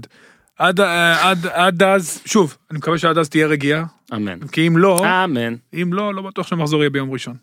או, די אורי, די, בוא אה, נקווה. מאמין ש... בוא נקווה לטוב, לפייר פליי, יודע, אתה מכיר למזוודות, את המומחים. האלה. שזה, עכשיו ראיתי ב... לא, לא מומחה, אני, לא, אז מתפלל אני צוחק שיהיה על שקט. כולנו, ראיתי בטוויטר נו, שמצוטטת, אני חושב שזה היה רן בוקר מידיעות, שוב העניין לא הוא, אבל הוא ציטט איזושהי עיתונאית, אה, ככה זה, ככה הוגדרה, עיתונאית אירופאית שמסקרת את האירוויזיון או משהו כזה, שאומרת שהיא לא מדמיינת שהיא לא חוששת, כי היא לא חושבת שהחמאס ירצה לראות טילים, ושזמן שיש, על תל אביב, בזמן שיש כל כך הרבה עיתונאים אירופאים, וכי אז הסיפור שלו עם האיחוד האירופאי ייגמר. כן, כן. שאת ביום יום מתעסקת ב bling bling כאילו כן בפייטים וזה מה את עכשיו אה, מאסטר בפוליטיקה וביטחון במזרח התיכון טוב מי לא יודע מה יקרה טוב שהיא לא אמרה שסינואר רואה את האירוויזיון. והוא לא כן מי יודע מה יקרה. כאילו מכבי פתח תקווה גם כן, רק נגיד, כן, ניצחה 3-0 וזה כן יפה, ולו זאת במכבי פתח תקווה בחצי העונה הזאת, זה לא שאחוזי ההצלחה שלו מחרידים, הם לא טובים, הם גם לא רעים בטירוף, זה די... לא, אחוזי ההצלחה שלו אגב בדקתי את זה בשבוע שעבר כן, זה פחות או יותר מיקומה של מכבי פתח תקווה זאת אומרת אם הטבלה הייתה ככה אז מקום 11 ערב המחזור הזה מקום היה צריך 11 הייתה קריית שמונה אולי. 12 גיא לוזון 13 סמך אשדוד 30 מה, הם היו צריכים להיות טיפה יותר, 35 אבל- 33 אחוז הצלחה בדיוק כמו הנקודות שהיה ל- לפתח תקווה ערב המחזור הזה. אבל העניין הוא לא ב- בתוצאות אלא באופי של התוצאות במוזרות שלהן. זאת אומרת כמעט כל תוצאה הזויה של העונה הזאתי הוא שותף לה מהצד הלא נכון. ואם הוא יפסיד להפועל תל אביב זה הוא יהיה כבר הפסיד להפועל תל אביב. סגירת מעגל מושלמת. לא, נ- הוא היה זוכר את מ- ה-6-0 המפואר. 6-0 אבל גם נזכיר שהמשחק כאילו שבו הוא אה, גם אה, די נטש את הפועל, הוא עוד המשיך אחרי זה לקריית שמונה, אבל המשחק הכאילו האחרון גם אז בבית, במושבה, זה היה מכבי פתח תקווה. לדעתי הוא הפסיד שם קניוק 2-1, 2-0 או 2-1. 2-1 כן. אני חושב שהיה. ובאמת, שני היסטור- גולים בחצי השני אני חושב. יש יש איזה מיני היסטוריה עם הפועל, יש גם דרבי כדורסל באותו זמן, אבל עדיין קצת אה, החלטה מוזרה אבל אני לא יודע בדיוק מה קורה שם עם השיבוצים והעניינים. ניר אבל- צדוק יוביל את צבא בגדול- שמחה לאיד באותו יום. בגדול זה נמנע כמעט לאורך, אני יודע שיש המון ניסיונות או תיאום כזה כן. שזה לא, כי להפועל זה באמת, שוב אני גולש לכדורסל, אבל לפועל זה איכשהו בייס אוהדים די נדיר בליגה הזאתי, כן? כל הנס ציונות, בלי להעליב אף אחד, אבל זה לא, בטח שנס ציונה ונהריה אין להם התנגשויות עם קבוצות כדורגל. ב- באותו זמן, לפחות לא בינתיים לנס ציונה, כן, נס ציונה. לפחות לא בינתיים. רגע, מחמאות אז, לטייב אה, בריבו. קצת מוזר. שזה על אותו זמן, כן. אבל נו, נו. נו. אבל גם יש את הבעיה של בני יהודה ומכבי, נכון. שלא יכולות, שחייבות לשחק בשבת, אז יכול להיות שלא רוצים שיהיה... ויש גם את החגיגות האליפות של מכבי אני, אם בכדורגל זה ביום היה, שוב, ראשון. אני, אם אני לא יודע מה השיקולים, אבל אני בתור משבץ, מה שהייתי עושה זה שם את השלושה משחקים האלה בשש, בשבת, בשבת, כן, אני לא מבין. בשמונה וחצי את השמונה דופק את מכבי אה, ובני יהודה, שם את ביתר רעננה בראשון, יכול להיות שיש גם אילוצים. חיפה חדרה ביתר. בשני, וזה הכל. תקשיב, רגע, ת- תמיד יש אילוצים, אבל אה, ב- אותי ממש מעצבן, אגב, אני מבין גם זה תמיד זה גופי בני יהודה שידור. מארחים את באר שבע, נכון? בני יהודה, כן. אה, היו אם בבאר ככה זה שבע, לא אז יכול אחרי להיות חצי באותו גמר יום. גביע. בדיוק, זה לא יכול להיות. צריכים להיות בארבע או משהו. שוב, תמיד ברור זה לא קל, אבל היה צריך בעיניי לעשות הכל כדי זה שב- בשבת. אה, משגע אותי שיש שבועות שבשבת אין בהם יש בעיה חשוב. שאין מספיק אצטדיונים, צריך להגיד כן, את זה. תשמע, יום ראשון, המון המון אילוצים. זה גם חשוך, זה גם מאוחר. כן, זהו. שמונה וחצי, קבוצה שירדה ליגה, מול קבוצה שכשלקחה אליפות לא הביאה קהל. אתה מחכה לפרק של יהיה לך משחקי שם הכס. 30 אוהדים, בין אה, פתח תקווה, בין אה, סכנין לקריית שמונה. הפועל מול פתח תקווה, כמו שזה נראה, יהיו שם כנראה 1,500 איש. אני אומר, אשדוד הפועל חיפה, כמה עם כל ההופלה, היו שם 800 איש, מהמם. אז מכל ה... אתה יודע, לפחות בשבת, זה יד- יש לך את האור יום, וזה אתה עושה את זה בשש. לא, זה גם יום של כדורגל, כן, אתה יודע שהוא יום של. כדורגל. עכשיו, אה, אני מבין שהיום, עזוב את ההימורים והכל, היום זכויות שידור זה חשוב, הם קובעים, הערוצים שכולנו אה, מופיעים בהם, הכל טוב. ועדיין, אני חושב שלאחרונה חושבים יותר מדי על הצד המצלם ולא על מה שמצולם. ובסופו של דבר, אם מזיזים כדי שזה י- י- ישודר ביום טוב יותר, אבל המותג ומה שמצלמים נראה ריק כמו שנראה בהרכבות אוהדים והכל, מבאס. כן, אורי, אתה רוצה כן, לספר על החתמה במכבי לא, חיפה? לא, ממש לא, יש שני משחקים במושבה. גם מכבי פתח תקווה וגם בני יהודה, שני משחקים בנתניה, אין מספיק אצטדיונים. אין מספיק אצטדיונים, זה בעיה. זה פשוט בעיה, גם בגלל זה עשו מישמש מה... מהמשחקים בפלייאוף העליון, כדי שלא יהיו התנגשויות, יהיו מינימום התנגשויות. אני מסכים עם ניר לגבי השעה, גם בראשון אפשר לעשות את זה טיפה יותר מוקדם, שלא ייכנס ללילה. בוא נקווה שאולי יעשו כניסה חינם, אה, ב... לפחות באשדוד, יביאו עוד הרבה קהל, שלפחות זה ייראה נורמלי, אבל אה, שוב, אני מקווה שיהיה דרמה ומתח ו fair fight עד הרגע האחרון, זה... זה. שוב, אני, אני גם רוצה להגיד דבר אחרון בנוגע לכל ה fair fight והדברים האלה, אורי, שזה בסדר לעשות מל, מלחמה כזה, מלחמה פסיכולוגית לקראת זה, זה בסדר אם אתה חושש מזה, אבל אם אתה מגיע במחזור האחרון שאתה תלוי בקבוצות אחרות, אתה פישלת וחלאס לבכות. אני אומר את זה תמיד, בוא נגיד גם מכבי פתח תקווה, זאת לא מכבי פתח תקווה שהפסידה 5-0 באשדוד, היא ניצחה 5-0 באשדוד, מה היה? ניר, אתה זוכר? היה 5-0 באשדוד לפני שנתיים. היה איזה 5-0 5-0 כן, פתח כן, תקווה. כן, לא שנתיים. לפתח תקווה? לא שנתיים יותר. בטח. אז אני חשבתי שזה... לא? אני חשבתי... לדעתי 2014. אבל מי ניצחו? 5-0 לפתח תקווה? ואז אשדוד עשו תיקו אה, והורידו את כן, בני כן, יהודה כן, ליגה. כן, נכון. כן, כן, טוב אז בסדר נו אז הדוגמה פחות טובה מה אכפת לכם.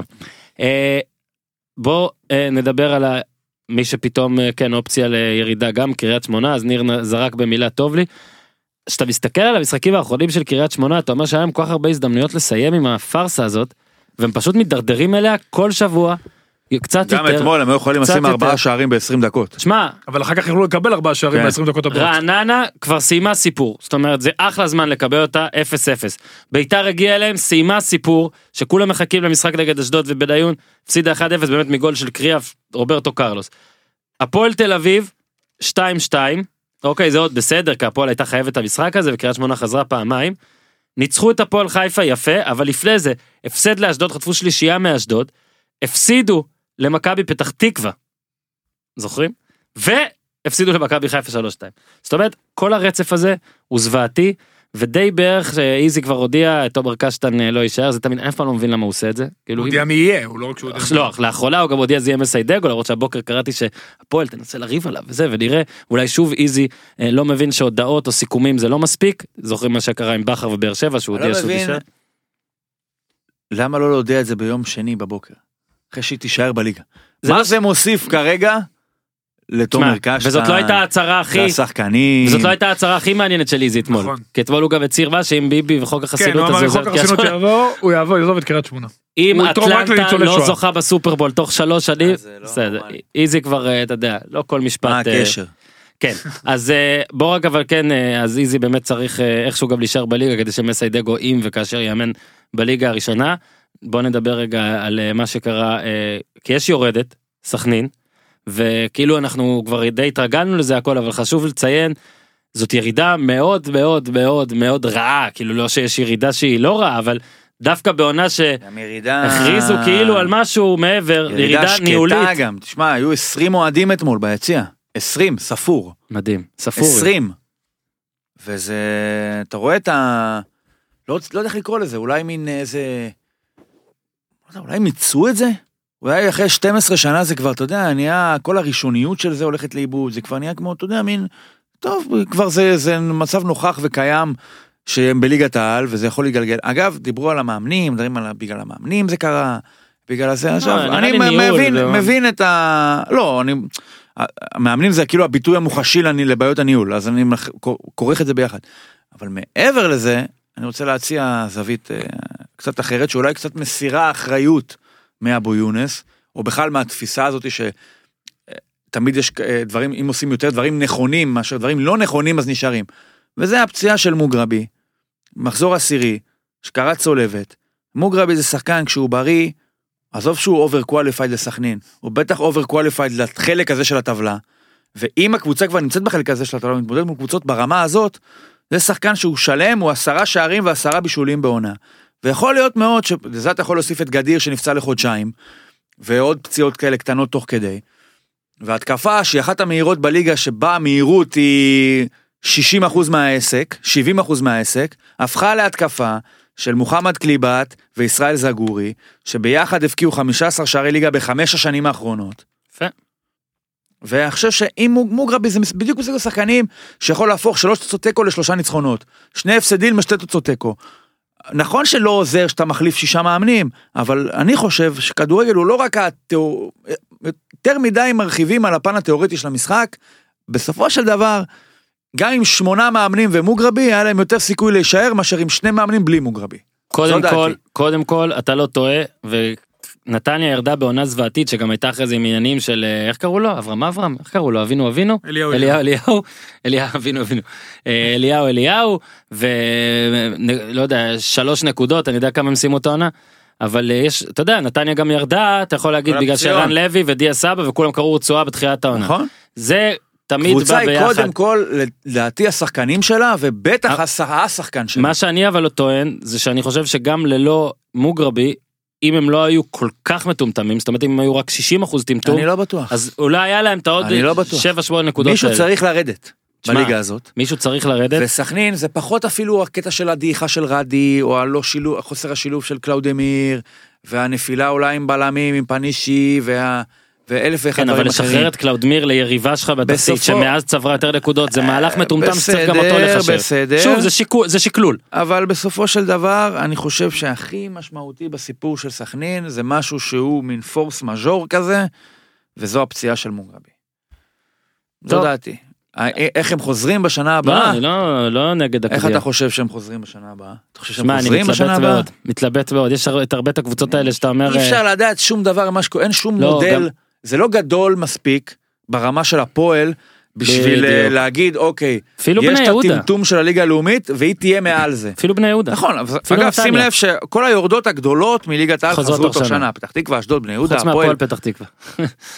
כן, אבל זה כבר עם שק בעיות אחרות. אני לא בטוח שסכנין עונה להגדרה שהיא פיגורה מספיק בשביל להגיד, להגיע לליגה הזאת ולהתבלט מעליה. כבר ירדה וחזרה. נכון, היא חזרה אחרי שנה, אבל אני חושב שעכשיו זה חוזר במין אה, איזושהי, כמו שאמרתי לך בהתחלה, מין מיאוס לא- אני לא כזה, חושב שאתה טועה. איזה מין מיצוי. בעונה הבאה, דרך אגב, ליגה לאומית, יותר מחצי ליגה מהמגזר. שזה גם אגב קשה כן, לסכנין. כן, עלו לא שתי קבוצות.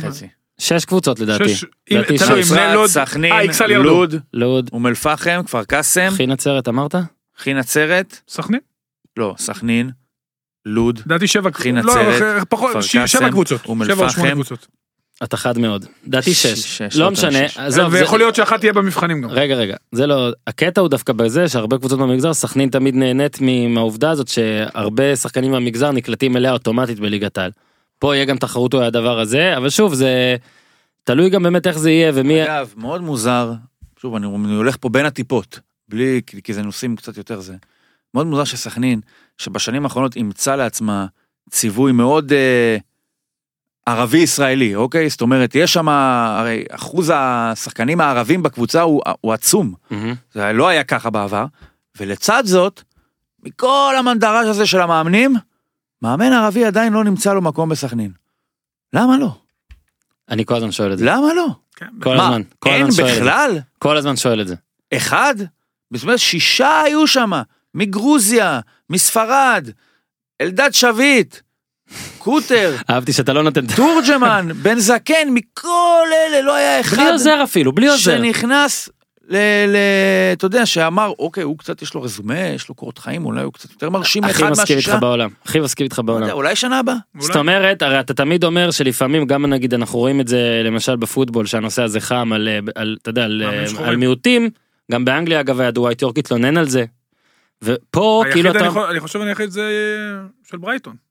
לא כן אה, לוטון ועכשיו אה, סול קמבל אה, לקח קבוצה בליגה. עכשיו אז פה מה שאתה אומר ניר וזה זה נכון שכאילו סכנין היא מין בועה במצב ש... ש...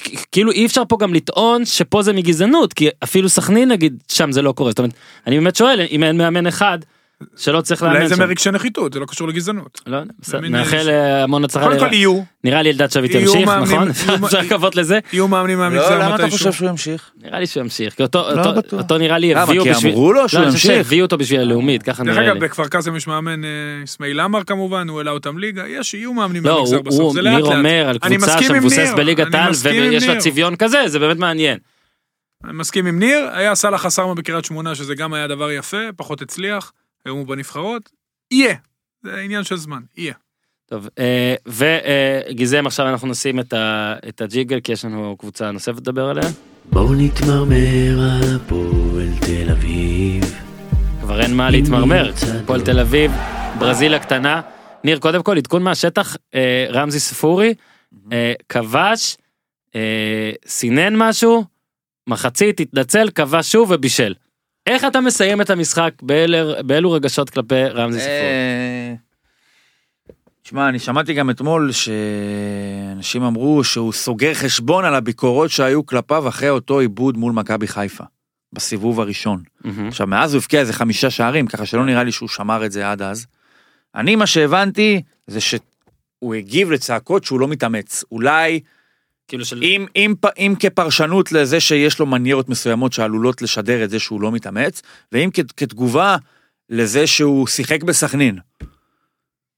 נראה לי קלוש מאוד, כאילו, גם הטענה הזאת שהוא לא מתאמץ כביכול, כי אני לא חושב שהוא, קודם כל לסכנין לא היה סיכוי, זה לא שהוא היה מוריד אותם ליגה. ודבר שני, אני לא חושב שזה היה כזה, אתה יודע, בווליום גבוה, או מכל כך הרבה אנשים שאמור לייצר תגובה כזאת, זה לא כן. שאלף איש עומדים וצועקים, לא, מתאמץ, לא, זה לא כאילו, אין פה, השיר, אין אה? פה, זה- כן, אין פה המון. אז אני חושב שאם זה מגיע ממספר מאוד קטן של אנשים, לא, בטח שלא צריך אה, לבוא בהתרסה כזאתי, ואמר מה שאמר, ונהנה בבוז אה, מאוד חריף. והיו קצת, אתה יודע, גם סביב- סביבתי הקרובה, באצטדיון, שכזה, אה, כאילו, מה זה, דה, דה, דה, עצבים. יצא בשכל ועצר את מה שעצר. אה, אני חושב שלהפועל אין לוקסוס להסתכסך, שרמזי ספורי יסתכסך עם מישהו. מהמם. אין לה פה לוקסוס כזה. אני מתאר לעצמי שההתנצלות לא באה לגמרי מיוזמתו. כנראה אנשים ישבו לו שם ב-15 דקות האלה ואמרו לו, דיר באלק, תצא החוצה וזה, אנחנו לא כן, צריכים את משהו הבלאגן. אחד שיהיה לא טוב. צריכים את הבלאגן הזה, כי באמת זה שחקן שהפועל לא יכולה להתפקש גם איתו, כבר צריך התפקששה איתו פעם אחת. צריך גם, קודם כל הוא גם התפקשש עם הפועל. כן, כן, כי בסדר. הוא גם לא רצה לחזור, שהפועל בליגה שנייה, רצה לש... בסדר, זכותו, אבל בוא לא נעשה ממנו איזה גיבור, מלך- מלך- גדול. הוא מלך השערים ומלך הבישולים. כן, עונה מצוינת. שמונה, מצוינת, אה, אתה יודע, מצוינת. מצוינת. לא. בסטנדרטים ב- שלו ביחס ושל הפועל, למקום כן. וביחס אליו, כן, סטנ- עונה מצוינת. אגב, הפועל... אה, גם עוד משהו, כן. בהפועל זה מקום שמאוד קל להישרף ומאוד מאוד קשה לכבות. זאת אומרת העניין עם אה, אה, גוטליב למשל, עכשיו בלי להיכנס אה, יותר מדי, אבל הוא, הוא די דעך לאחרונה, אבל הוא נמשך המון זמן. למעשה הוא נמשך למעלה משנה, אולי שנה וחצי אפילו. מהמם, מאז אותו אימון שלפני ירידת ליגה, מהמם. כל הלאומית וגם לתוך השנה. זה קצת נרגע לאחרונה. אה, רמזי ספורי אם לא היה יוצא עם התנועה הזאת של אה, סליחה סליחה סליחה סליחה. כן. יכול היה, לי, יכול היה להיגרר עד אה, בואכה לא נשאר בקבוצה בוא- בעונה הבאה ואת זה הפועל פחות יכול להרשות לעצמה. בוא נגיד רק מזל טוב שהפועל תל אביב הגיע עכשיו ל-39 נקודות שזה נקודה יותר ממה שהיה לה בעונת הירידה כאילו אם אתה מוסיף לה את התשע אני מדבר על כדורגל היא הגיעה ל-38 נקודות כדורגל. רק כדי להסביר אגב כמה העונה הזאת ממש לא טובה כאילו שכאילו לא, עונה לא טובה. מאוד אבל, לא טובה אה, אה, אין פה אשקלון ואין פה כאלה יש פה אחרות אמנם אין פה את המינוס תשע יותר נכון. אבל זה הכל מועדון לא טוב. לא מועדון מאוד לא טוב. מועדון בבעיה, ואי לכך, הלא טוב שלו, הוא כבר נחשב לטוב על ידי מי שאוהב, אתה מבין? מה אני אומר? אין, כן אתה, מה שאתה מפרש מבחוץ כ-39 נקודות, לא מי יודע מה, אני חושב שהפועל, מה הגג, מה תקרת היכולת שלה? בסדר אני נותן עובדה לא פה יכולה עכשיו, להיות אה, הרבה יותר. גבוהה מזה, יכולה הייתה להשתחל פתאום, אתה יודע, עם שתי יותר לפלייאוף העליון או משהו כזה, להיות חדרה. מה זה היה נותן לה, קודם כל? לא צריכה לקבל בראש יש מזה. יש בול הפועל תל אביב נרחיב על זה בהמשך גם זה יש כאילו בהמשך ה- החודשים. הפועל כרגע, כל עוד יש לא יתבהר לא שם. משהו, וכל עוד. לא... עזוב, אפילו זה לא משנה אם קובי רפואה, זה פחות העניין לא, הזה. לא, אני לא מדבר, כל עוד המצב לא המצב, ישתפר כן. כלכלית או עקרונית, עונה כזאת זה הכי טוב שיכולה לשאוף אליה. אני מרגיש והיא תמשיך להסתובב סביב הבור הזה של אה, ירידה ללאומית, ותצטרך כל פעם להיזהר לא ליפול. לי הפועל תל אביב הזו מרגישה הרבה יותר קרובה להפועל פתח תקווה מאשר מכבי תל אביב. כאילו, בעתיד אני מדבר גם, כאילו, שמע, היא גם יותר קרובה לצפרירים לא, לא, מלמכבי אני תל אומר, אביב, זה- אבל התסריט, זה יותר אם אני צריך. לבחור, בסדר, אם אני צריך לבחור תסריט כזה או תסריט כזה עתידי, מה, הפועל לא תהיה מכבי תל אביב, אני לא יודע אם היא תהיה הפועל פתח תקווה, אבל אם מכבי תל אביב לא תהיה. הכוונה שלי לקבוצה שיכולה לקרוא לא תיגר על האליפות. מתישהו גם לא, אפילו, לא, יודע לא. מה, יודע מה נגיד זה מכבי חיפה. אה, אורי, לפני סיום, כי נראה לי עם ליגת העל סיימנו, ובשבוע הבא אנחנו נוריד קבוצה ונהיה עצובים בשבילה, יכול להיות, דרך אגב, שהקבוצה שתרד יהיה לה יותר נקודות מחדרה. כן, שזה ניר ישמח מאוד, כמה יש לחדרה עכשיו? 36. וואלה, אבל יש לה עוד משחקים להשלים, שבהם אולי לא. תעשה תיקו. חדרה משחקים. ב-33 משחקים, הפלייאוף תחתון 33 אז משחקים, אני אומר, מן הסתם היא שיחקה פעמיים מול מכבי, ואתה יודע, בסדר, מה שלא לא, לא עשו אשדוד וזה. עדיין זה יהיה... כן, זה מצחיק. מצחיק קצת. אה, אורי, תן לנו דקה על ליברפול אה, נגד ניוקאסל. אה, כי באמת, אה, זה היה משהו מדהים שסאלח נפצע, זה היה כאילו רגע, מין אתה אומר, וואלה סבבה, זה הרגע שבו מבינים שהחלום פג, ואז איכשהו אה, שקירי ואוריגי, דמויות לא הגיוניות בעליל, אבל כן, במאבק האליפות הזה. אוריגי פעם שנייה, ושקירי, שקירי זה. השחקן, אה, בוא, בוא רק נגיד שקירי. זה השחקן הכי טוב בעולם בכל הענפים, חשוב לציין. טיפה דעתך, כי-. ניר פה לפני השידור טוען שכל הסימנים האלה של ליברפול מראים שאולי סיטי כן תיפול למשל בלסטר, אה, מול לסטר. מול לסטר, היא אירחה אותה. מול לסטר. ניצחה, הפסידה לנו סיבוב, דרך אגב, סיבוב קודם, לא עם אותו מאמן. תשמע, קודם כל הליגה האנגלית מדהימה. אה, מה שקורה שם סביב האליפות, שתי קבוצות על, זה פשוט לא יאמן. ליברפול עושה עונה גדולה, קלופ עם הצגות אימון. אני אומר, כולל ברצלונה. מהמם. הוא היה אדיר בברצלונה. הוא אנס 52 אחוזי שליטה, אנס אותם, הוא היה נהדר, שוב, מתמודד עם יצור, הוא freak of nature, אין כן. דברים כאלה, לא היה שחקן כזה, לא יהיה שחקן כזה, הוא טוב אתה אומר אורי. לא, לא, זה לא, לא טוב, כן. זה לא, לא נורמלי. מה שהוא עושה, הבחור הקטן הזה, זה לא... בסדר, בסדר, כבר. דיברת על דן ביטון, דבר שנייה על מסי. נכון. אז אה, קלופ, שוב, ליגה האנגלית היא ליגה הכי עשירה בעולם, עם הכי הרבה מסורת, אנרגיה, האמנת שיש שלוש רגשות. שתיים אבל? לא ראיתי את המשחק, ראיתי את אה, התקציר אחרי, הייתי, נכון, חזרת, הייתי לא, בפאנל, חזרת, זהו, הייתי בדרך חזרה, ואז. קיבלתי. כן, כן, כן, כן. את האיתות בטלפון. אה, כל הכבוד לרפה בניטז, עושה עבודה מדהימה, דרך אגב, בניוקאסל יוסי בניון דרך אגב ציין אותו כמאמן שלימד אותו לשחק כדורגל הכי, הכי טוב, הוא ציין עוד הרבה מאמנים, ורפה בניטז עושה עבודה נהדרת בניוקאסל, וליברפול השנה היא הקבוצה הכי ווינרית שיש, יש לה הפסד אחד, וגם הוא על 0.4 סנטימטר עם אותו כדור שסטונס חילץ מהקו, באיתיחד, ואם היא לא תיקח אליפות זה תהיה בטוח הסגנית הכי טובה אי פעם, וזה יהיה באמת קורע לב מבחינת האוהדים שלה, יש לה כל כך הרבה אוהדים בארץ ובעולם. שוב, אני מאוד אוהב את גוורדיולה, אבל זה באמת לא משנה היא תיקח אליפות, תהיה אליפות, האלופה הכי ראויה שיש. כנראה שזה המכשול האחרון לסטר, אני לא רואה את ברייטון לוקחת לסיטי נקודות, וליברפול יש לה וולס מחזור אחרון. יש, באמת יהיה מחזור מטורף, וליברפול היא העונה, גירדה המון נקודות דקה 90, כי יש לה מאמן שהוא מאמין עד הרגע האחרון שאפשר לנצח, וזו קבוצה ווינרית, וקבוצה חזקה. תחושה? אני חושב שליברפול תיקח בסוף. וואי, וואי, וואי, וואי, וואי. בסדר, כי הכי, מ- באמת מגיע לה, תראה, באמת מגיע לו, אני מאמין- מגיע לקלופ. אני מאמין גדול במשחקים שהם סימן שאתה אומר וואלה אם זה קרה זה יקרה. אה, זה גם בארץ קרה בכל מיני משחקים כאלה שראיתי ואמרתי בואנה אם את זה ניצחו אז אתה יודע לפעמים זה גם באמת שקוף נגיד אה, מכבי על בני יהודה עם השלוש שתיים של לוגסי לפעמים זה פחות שקוף נגיד אה, הפועל תל אביב נתניה שהפועל חזרה מ-3-0 דקה 83 3-0 לנתניה חזרה ל-3-3 זו הייתה הרגשה שאם הם חוזרים את זה אז כנראה זה שלהם.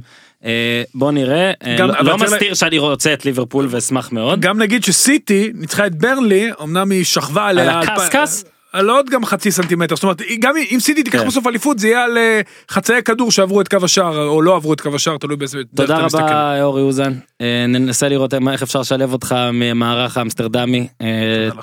דבר עם אשתי שתמליץ לך על מקומות לא, ביומיים. אה. אסף כהן איתך תודה ניר צדוק תודה לכם. אה, ועכשיו אתה יודע שוב אנחנו רק נאחל אה, לתושבי הדרום אה, שקט וכבר זה כבר דרום ועוד מעט מרכז ובאמת שקט לכולנו ולהכל תושבי המדינה, ו- אני חושב שזה שהם עושים תושבי הדרום, זה לא טוב. כן. לתושבי המדינה. שקט כולם. לתושבי המדינה שקט בשבילנו. ולתושבי המדינה מתאים. כולה במיוחד לאוהדי הפועל באר שבע שבמקרה גם בטח רובם גרים כן בדרום.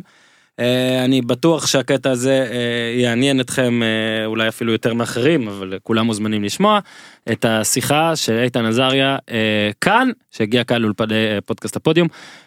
אז שוב תודה לכולם, למי שכאן, ועכשיו נעבור לאיתן עזריה. במאי 2016 איתן עזריה, היועץ המנטלי בין היתר של הפועל באר שבע, הגיע לפודקאסט הפודיום, ודיברנו, והיה כיף. מאז באר שבע התפתחה וזכתה בעוד שתי אליפויות, וגם איתן המשיך להתפתח.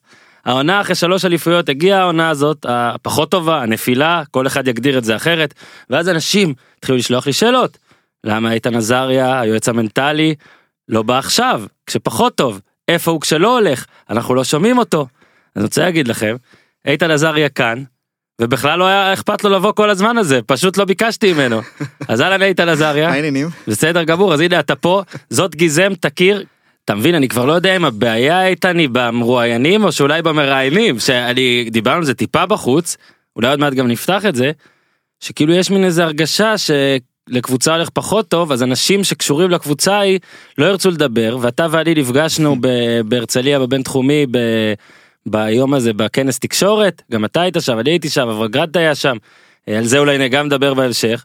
ויצא לנו לדבר וגם אתה דיברת על הפעם ההיא שהיית בפודקאסט ואז באתי וסיפרתי לך הלשנתי שיש שאני מקבל הודעות מאנשים איפה איתן עזריה למה הוא לא בא ואז אמרת מתי שאתה רוצה בוא. לקח לנו איזה שלוש פעמים של כמעטים שלא נגיד מי אשם סוגריים אתה שזה יתבטל אבל בסדר.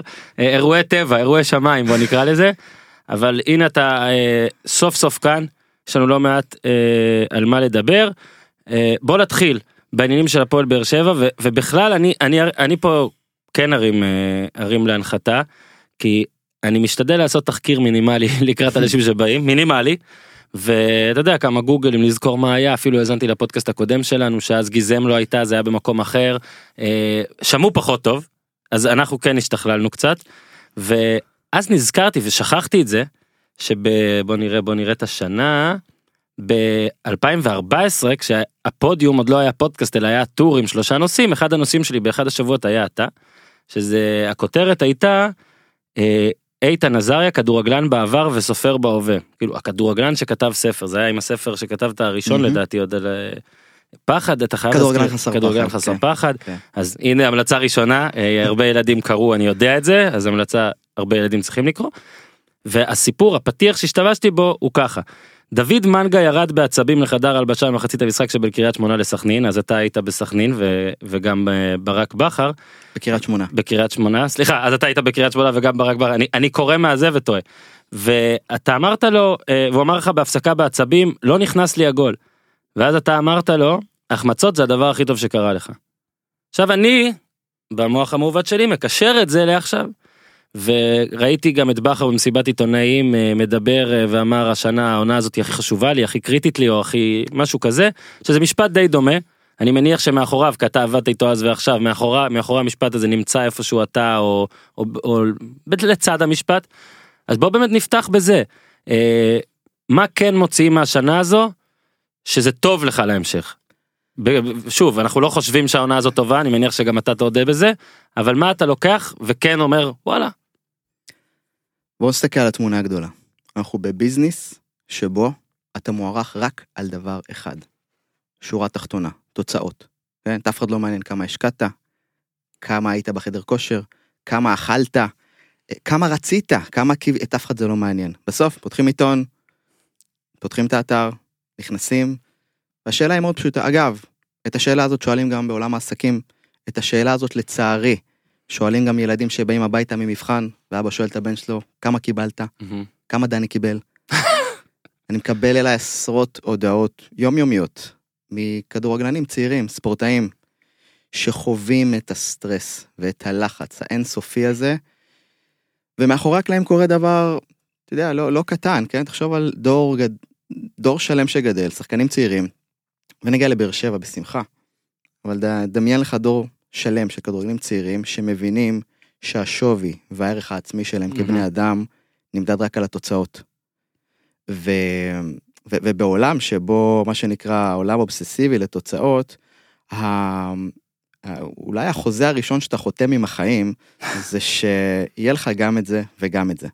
אוקיי? זאת אומרת, אה, בטח לא לעולם חוסן ובטח לא לעולם אה, אליפויות. אין אחת שעשתה אליפויות, אה, מה שנקרא, כן. עשר שנים רצוף, לא שאני זוכר לפחות, כן. אתה עם המוח שלך בטח אולי תמציא לי איזה אה, קבוצה בכדורסל אתה תמצא את מכבי תל אביב ודברים אוקיי. כאלה אבל אתה יודע ש... בוא נגיד ענף אחר עם אה, היה בו גם. היה בו גם היה קטגוריות אחרות שם להצלחה עכשיו רואים זה יותר צמוד אבל עזוב אנחנו לא ניכנס פה לכדורסל. אה, בכדורגל זה מאוד קשה אני אפילו יכול אה, להגיד לך טל בן חיים היה פה לא מזמן מהמם. אה, ממכבי אה, שהיה במכבי עכשיו בפראג וגם אה, ניסה להסביר מה קורה אחרי שלוש שנים שמכבי תל אביב זכתה באליפויות ואז באה שנה שהם לא זכו. אמנם היו טובים אבל לא זכו אה, לקחתם אליפות בשתי נקודות פער. ואז באה העונה החמישית כאילו שלוש- אפשר להגדיר אותה גם אנחנו פה אנחנו משתמשים במילים אה, צריך להגיד שכשאני מולך כי אולי זה בטח יצרום לך כי אתה בא גם מהכדורגל וגם מהפסיכולוגיה אבל נגיד אני כן חושב שאפשר לפעמים להגדיר עונה כנפילה או ככל וזה לא לא אומר שזה טרגדיה במציאות אלא ככה מתארים ספורט. ושאלתי אותו כאילו איך, איך אתה מסביר שנה חמישית התרסקות הרי זה, זה הרבה שחקנים שהם די אותו דבר מאוד מוכשרים. אה, פתאום כל משחק שבו בעבר כולם כולל אתם היו חושבים שאתם הולכים לנצח בו. עכשיו כל משחק ואני זוכר את זה בעונה החמישית של מכבי ואני זוכר וזה מה שקורה בעונה שלכם עכשיו לפחות אני עובר רכב עליי מהצד פתאום בהרבה משחקים אה, יש הרגשה וואלה את זה באר שבע לא תצליח לנצח ופתאום טרנר שבו הייתה הרגשה שאתה יכול גם אה, לעלות איתי איתך ועם עוד תשעה ועדיין הקבוצה המאוח- המאוחדת שלנו תסתדר. פתאום לא מסתדרים תמיד. אז זה נושא שמאוד מעניין אותי. מה קורה אתה אמרת לא לעולם חוסן לא לעולם אליפויות. זכיתם בשלוש מכבי זכתה בשלוש. יש בישראל כנראה גם איזה רף כזה של אולי אה, אה, כמות הטוב שאפשר אה, להכיל אה, ברציפות או משהו. איך בהס... ב... אז, אז אני אחזור רק למה טל בן חיים אמר אין לי הסבר מקצועי לתת לך זה כנראה מעבר. עכשיו אתה איש שגם היית כדורגלן ואתה גם מתעסק במעבר. יש לך כמה תשובות עכשיו אחרי שאתם העונה לא תיקחו אליפות? אז קודם כל, אה, אתה יודע, זה מסע שבו אני, כ- כ- יודע, כמאמן מנטלי, לומד לאורך הדרך כל כך הרבה דברים, שאין סיכוי שהייתי לומד אותם אם לא להיות מה שנקרא על התנור החם. וזה כיף לעשות אליפויות, וזה גם לא פחות כיף ללמוד מעונה כזאת. ואני אומר את זה כי השיחה שלך איתי כרגע היא שיחה על תוצאות. אז מה אתה רוצה שאני אדבר? על תוצאות? אין לי מה לדבר על תוצאות, כי ניקח את אחד השבועות שבהם, אה, לא יודע, זה היה לנו משחק ביום שני נגד רעננה, וחמישי זה היה משחק בליגה האירופית. לא זוכר מי זה אולי פראג, אני לא זוכר, ו, וניצחנו את רעננה והפסדנו ב, ב, ב, בליגה האירופית, ושאלו את ברק, תגיד, מה, כאילו, איך אתה מסכם את השבוע? אז הוא אמר בכזה, ב... ניצחנו את רעננה. בדיוק, כן. הפסדנו לרעננה וניצחנו ב, כן. באירופה, אז קפצו, אמרו, לא, לא, התבלבלת, את רעננה ניצחת, הפסדת באירופה, אמר, לא. אולי על הלוח ניצחנו את רעננה, אבל זה לא היה, מה שנקרא. הביצוע הטוב שאני מאמין לפחות בשחקנים, וההפך, כן, אמנם באירופה הפסדנו, אבל זה, ה- זה השחקנים, זאת אומרת, לפחות אם אנחנו יכולים לתת איזושהי זווית, אנחנו מנסים תמיד לחתור ולחקור את הביצוע ולא את התוצאה. כי הביצוע בשליטתנו, התוצאה לא תמיד. אתה יכול לתת משחקים מעולים, ברור ולא להבטיח ניצחונות. בטח בכדורגל אגב ו- שלדעתי זה ענף שבו אין כאילו יש הכי מעט קשר בין יכולת לבין תוצאות וראינו אנחנו מקליטים את זה אחרי למשל משחק בין ברצלונה מהמם. לליברפול בו ברצלונה הייתה באנדר פוזיישן שזה דבר שקורה שקרה פעם אחרונה כשאתה ואני עוד גרנו בצפון ועוד בקמפנו. כן אוקיי 48 52 אחוז ברצלונה ניצחה גם 3-0 כן ראוי לציין. אה, הקטע של הקטע בבאר שבע שאני חושב שבו שאליו אתה כן תוכל להתחבר וטיפה לספר זה שמאוד מוקדם הייתה הרגשה שוואלה העונה הזאת כנראה הולכת לכיוון פחות טוב אני גם שוב אני. אה, אני כן מדבר אולי אה, בסופו של דבר זה נראה שזה תוצאות אבל כן יש הרבה דברים שונים. יש דברים שונים בין אה, באר שבע לפחות נגיד בשלוש אליפויות אז בשנתיים הראשונות שזה בכלל היה בשנה השלישית קצת ראו בואנה נהיה קצת קשה. אה, ואתה יודע יש, יש המון מחקרים אתה בטוח יודע יותר טוב ממני שההצלחה היא משכרת בכף ואתה יודע פתאום יש גם עניינים של אולי אגו ואולי גם אגב אה, פשוט שחסרי הגדרה שפתאום משהו הופך להיות יותר קשה. אני שוב אה, אשאל משהו מענף אחר אנחנו רואים את גולדן סטייט שאולי תזכה ב-NBA באליפות ב-NBA גם העונה אבל כל אחד שרואה אותם אומר וואלה זה, זה טיפה פחות שוטף וואלה אה, דריימונד גרין ושהיו חברים הוא ודורנט פתאום הם רבים על הפרקט רואים אותם צועקים אחד על השני וואי בחדר הלבשה יש סיפורים בחדר הלבשה פתאום נהיה יותר מתח והכל ולדעתי בסופו של דבר אני קורא לזה אה, תקרת השכר של של ה... לא של הכסף, אלא תקרת השכר של הצלחה, אני אומר שגם להצלחה יש תקרת שכר, זאת אומרת יש תקרה, כדי שיהיה לנו מעניין, אחרת כמו שאמרת, הפועל באר שבע או מכבי תל אביב ייקחו 50 אליפויות רצוף, או מכבי חיפה ביתר אגב בהצלחה, אה, 50 אליפויות רצוף ואת כולנו זה ישעמם.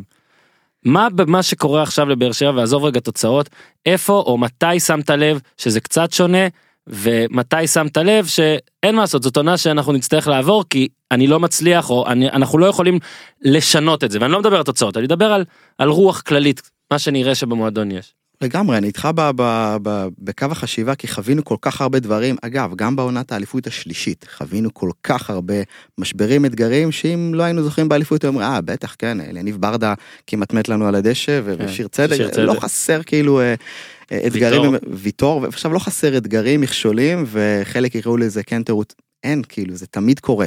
זאת אומרת, ה... אתה יודע, מנקודת מבט מנטלית, אחת השאלות שאני רוצה לשאול זה לא רק איך מגיעים ל, ליעד, אלא איך אני יכול לעזור לכל שחקן שאני בא איתו במגע, לחיות כאדם שלם em, ללא תלות בתוצאות. זאת אומרת שאחד הדברים שהאתגרים הכי גדולים אחרי אליפות ראשונה, היא איך אתה משמר על הרעב, משמר את התשוקה, יוצר אולי יותר ממנה, אוקיי, ואז זה עובד, כי יש לך אירופה ועשית, זה נחמד, אז מה שנקרא, אתה על הגלים ועל היעדים של האנרגיה, אבל העונה השלישית חווינו כל כך הרבה אתגרים, ועשינו הרבה דברים, גם בעונה הרביעית, שהיו נראים לנו נכונים, והם לא עבדו. ממש ככה, וזה לא... לך אבל אישית גם? לגמרי, דברים ש... לא, כי ש- זה מעניין, כי אתה הרי בעבודה שלך. אתה אמרת שכולם נשפטים על ידי תוצאות, אבל אתה. זרקת לי משפט, השאלה אם אתה הולך הביתה שלם עם עצמך.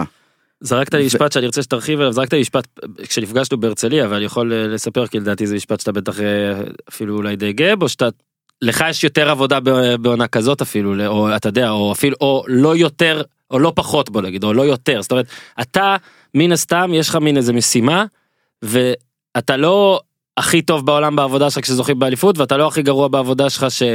כשלא, זאת אומרת, תספר, ת, תנסה להסביר קצת על התפקיד בבאר שבע, אני יודע שאסור אה, לחשוף אה, שיחות אישיות ודברים כאלה, מהמם. אבל תנסה רגע להסביר מה בדיוק ביום יום אתה עושה או אה, בבאר שבע בעונה כזאת. אני אספר לך מה אני עושה, זה באר שבע וזה כל ילד שאני פוגש וזה בין אם זה בארגון אוקיי. שאני עובד בחו"ל ובין אם זה עכשיו אני צריך, ל- לא יודע, מנהל שיחה עם מנכ"ל, זה לא משנה, כן? יש לי אמונה אחת, והאמונה הזאת היא שנולדנו אלופים מעצם היותנו מי שאנחנו, ללא תלות בתואר גביע, אה, חוזה או המרצדס בחוץ. זה מה שאני מאמין בו. אגב, לא גדלתי ככה, גידלו אותי שהשווי שלי הוא לפי התוצאות, וגדלתי במחלקת הנוער אחת הגדולות בישראל, כולכם יודעים, מכבי חיפה. חיפה. וזה לא משנה איפה, כן? תמיד חונכתי, כן? עכשיו זה קורה ברמה לא מודעת, כן? שהשווי שלך הוא התוצאות, בסוף מהמם. היום. עכשיו, במקום כזה, כן? בחיים שבהם אתה לומד שהשווי העצמי שלך כאדם יושתת אך ורק על פי התוצאות, ניצחונות או הפסדים, קורה דבר מגניב, כן? מהמם. לא מגניב, אבל לא מצער, מצער מאוד. שאני- סוגריים נדחוף פה זה בהרבה מאוד עסקים. זה בכל דבר שבו אנו נעים למסע לעבר מטרה. מהמם. אתה מפתח מנטליות שנקראת מנצח מלך מפסיד אפס. התקשורת רק עוזרת לך לעשות את זה, כן? אתה מנצח את המלך העולם, אתה על כל שער אפשרי. וכשאתה מפסיד, מה שנקרא, אתה משלם במזומן, ביג טיים. ואתה עדיין בכל שער אפשרי אבל פחות. ואתה. עדיין בכל שער אפשרי, כן? רק ברמה, עכשיו, הרעיון להבין כאן הוא שאם השווי שלך כאדם נמדד על תוצאות, הפסדת את המשחק מראש. אוקיי, כשאתה מדבר איתי על כן אליפות, לא אליפות, אני שואל שאלה אחרת. איזה אדם הולך הביתה בסוף המשחק? אוקיי? ואני שואל את השאלה, איזה ילדים גדלים פה בדור הזה היום? עכשיו יגיד, כן, תוצאות, אז, אז תראה את השיח, ואולי המאזינים שמקשיבים לנו אומרים, כאילו, אחרי כל משפט שני שלי, כנראה מה שעובר להם בראש זה, כן, אבל בשורה התחתונה אתם לא מנצחים. מהמם. כן, ואם הייתי עושה פה שיחה, ועשינו שיחה גם אחרי אליפות, אז כל משפט שהייתי אומר, כן, וואו, צודק, איזה יופי. אבל כשהולך. אוקיי? והרעיון הוא שכל המשפטי מוטיבציה וכל הסרטונים ביוטיוב וכל המשפטים, הכל עובד כשמנצחים. כן? כשמנצחים, המנטלי טוב והטקטי טוב והכל מצוין. אבל מה קורה כשמפסידים? אז קורה דבר מאוד מעניין. הניתוח החיצוני בטח, כן? הוא מאוד מאוד קר, מבוסס על תוצאה. הפסדת זה אומר שהכל לא טוב, ניצחת זה אומר, ואין איזשהו ניתוח אמיתי של רגע בוא נראה מה קורה. אז אנחנו כמערכת, אני כ, כ, כמאמן מנטלי, יש לי משימה גדולה יותר, זה לעזור לשחקן, או לעזור לאנשים שאני בא איתם במגע, להבין שהם הרבה יותר מהתוצאות שלהם. ואולי משימה יותר קשה זה לעזור להם לא להזדהות איתם. כי אם האליפות הפכה אותך למישהו יותר שווה, הפסדת את המשחק מראש. זה, אתה היית צריך את הצלחת, את הגביע, כדי להרגיש ראוי, כדי להרגיש שאתה somebody, ועכשיו כשאתה, לא יודע מה.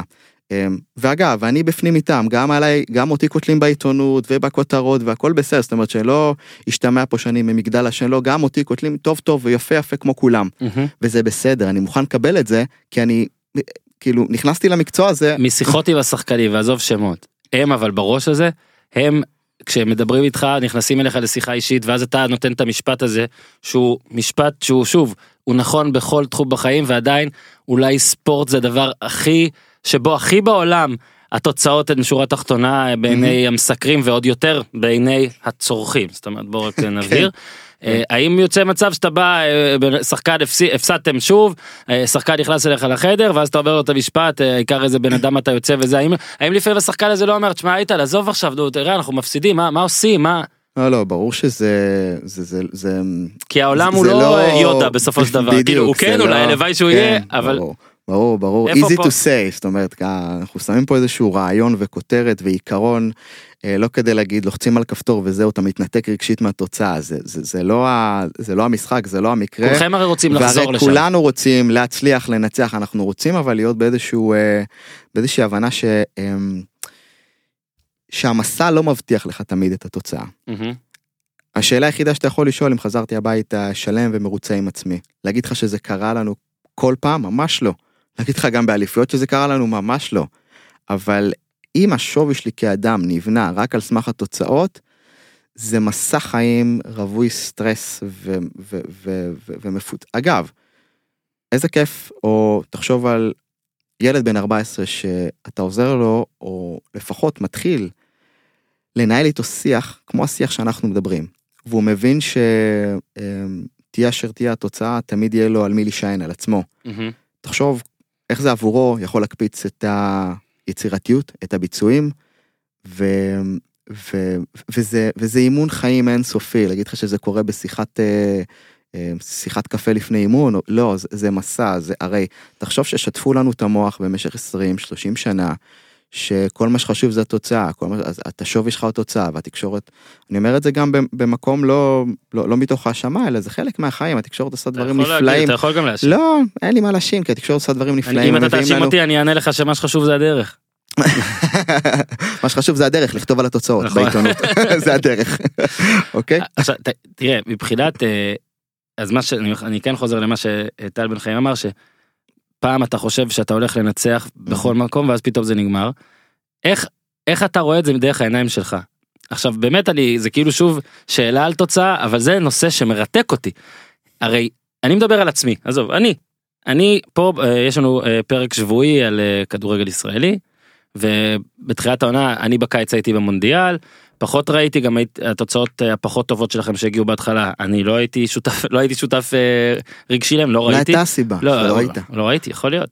וכשחזרתי לפה אז נגיד אה, ניר צדוק וגם אורי שחזר קצת לפניי וראה את אחד המשחקים הפחות טובים באירופה אני לא יודע איזה מהמם. הם באו ואמרו תקשיב השנה זה לא זה ואני שלא ראיתי את כל ההתחלה אני סירבתי לקבל את האופציה הזאת עכשיו אין לי שום קשר רגשי אני פשוט חשבתי שאתם יותר טובים ואחרי שלוש עונות שכל מה שאני זוכר שלא משנה כמה קשה במיוחד בעונה השלישית לא משנה כמה קשה מצליחים להתעלות אני לא הצלחתי לראות את העונה הזאת מעבר לכתף את העונה הזאת שבו פתאום הכל יהיה יותר קשה עוד מעט יש לי גם כמה נתונים שאני רוצה לשאול אותך עליהם מבחינת מבחינה מנטלית אבל אה, איך אתה מסביר את זה עכשיו בוא נעזוב רגע את באר שבע כדי שאתה תוכל לענות בנוחות אולי יתרה.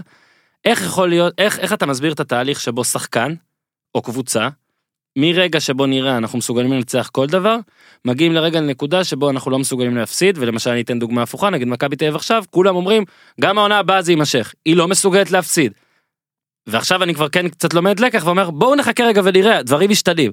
אז אה, חוזר אחורה רוורס אה, משפט אחד איך אתה יכול להסביר את זה בהרגשה של שחקן היית שאני הולך לנצח עכשיו לא משנה מה יקרה ל- אני לא הולך לנצח לא משנה מה יקרה. שוב שיחה על התוצאה. אני לאורך השנים האחרונות אספתי המון המון כותרות לעצמי, מהמם. אוקיי? ממש כותרות, אתה יודע, ברמה כן, של אפילו... לשאול- הייתי צריך לשאול את זה אחרת אה, אני אני טוב בכל משחק לי אני אראה פחות טוב בכל משחק כדי. שלא תגיד שאני שואל רק על תוצאה. ולא השתמשתי בזה עדיין, אבל אה. אני כן יכול להגיד לך שלמען המחקר הפרטי שלי אספתי המון המון כותרות. אה, וחלקם היו בשאלונים אפילו שעשו לקראת האליפות השנייה או השלישית, האם באר שבע תקרוס במאני טיים. בסוף עשינו פלייאוף מטורף וזכינו באליפות. שם באמת? יצאתי צודק עוד, אה? לא, גם שם לא. אני לא בטוח, יכול להיות שאני לא, לא, אבזה אותך אם אני...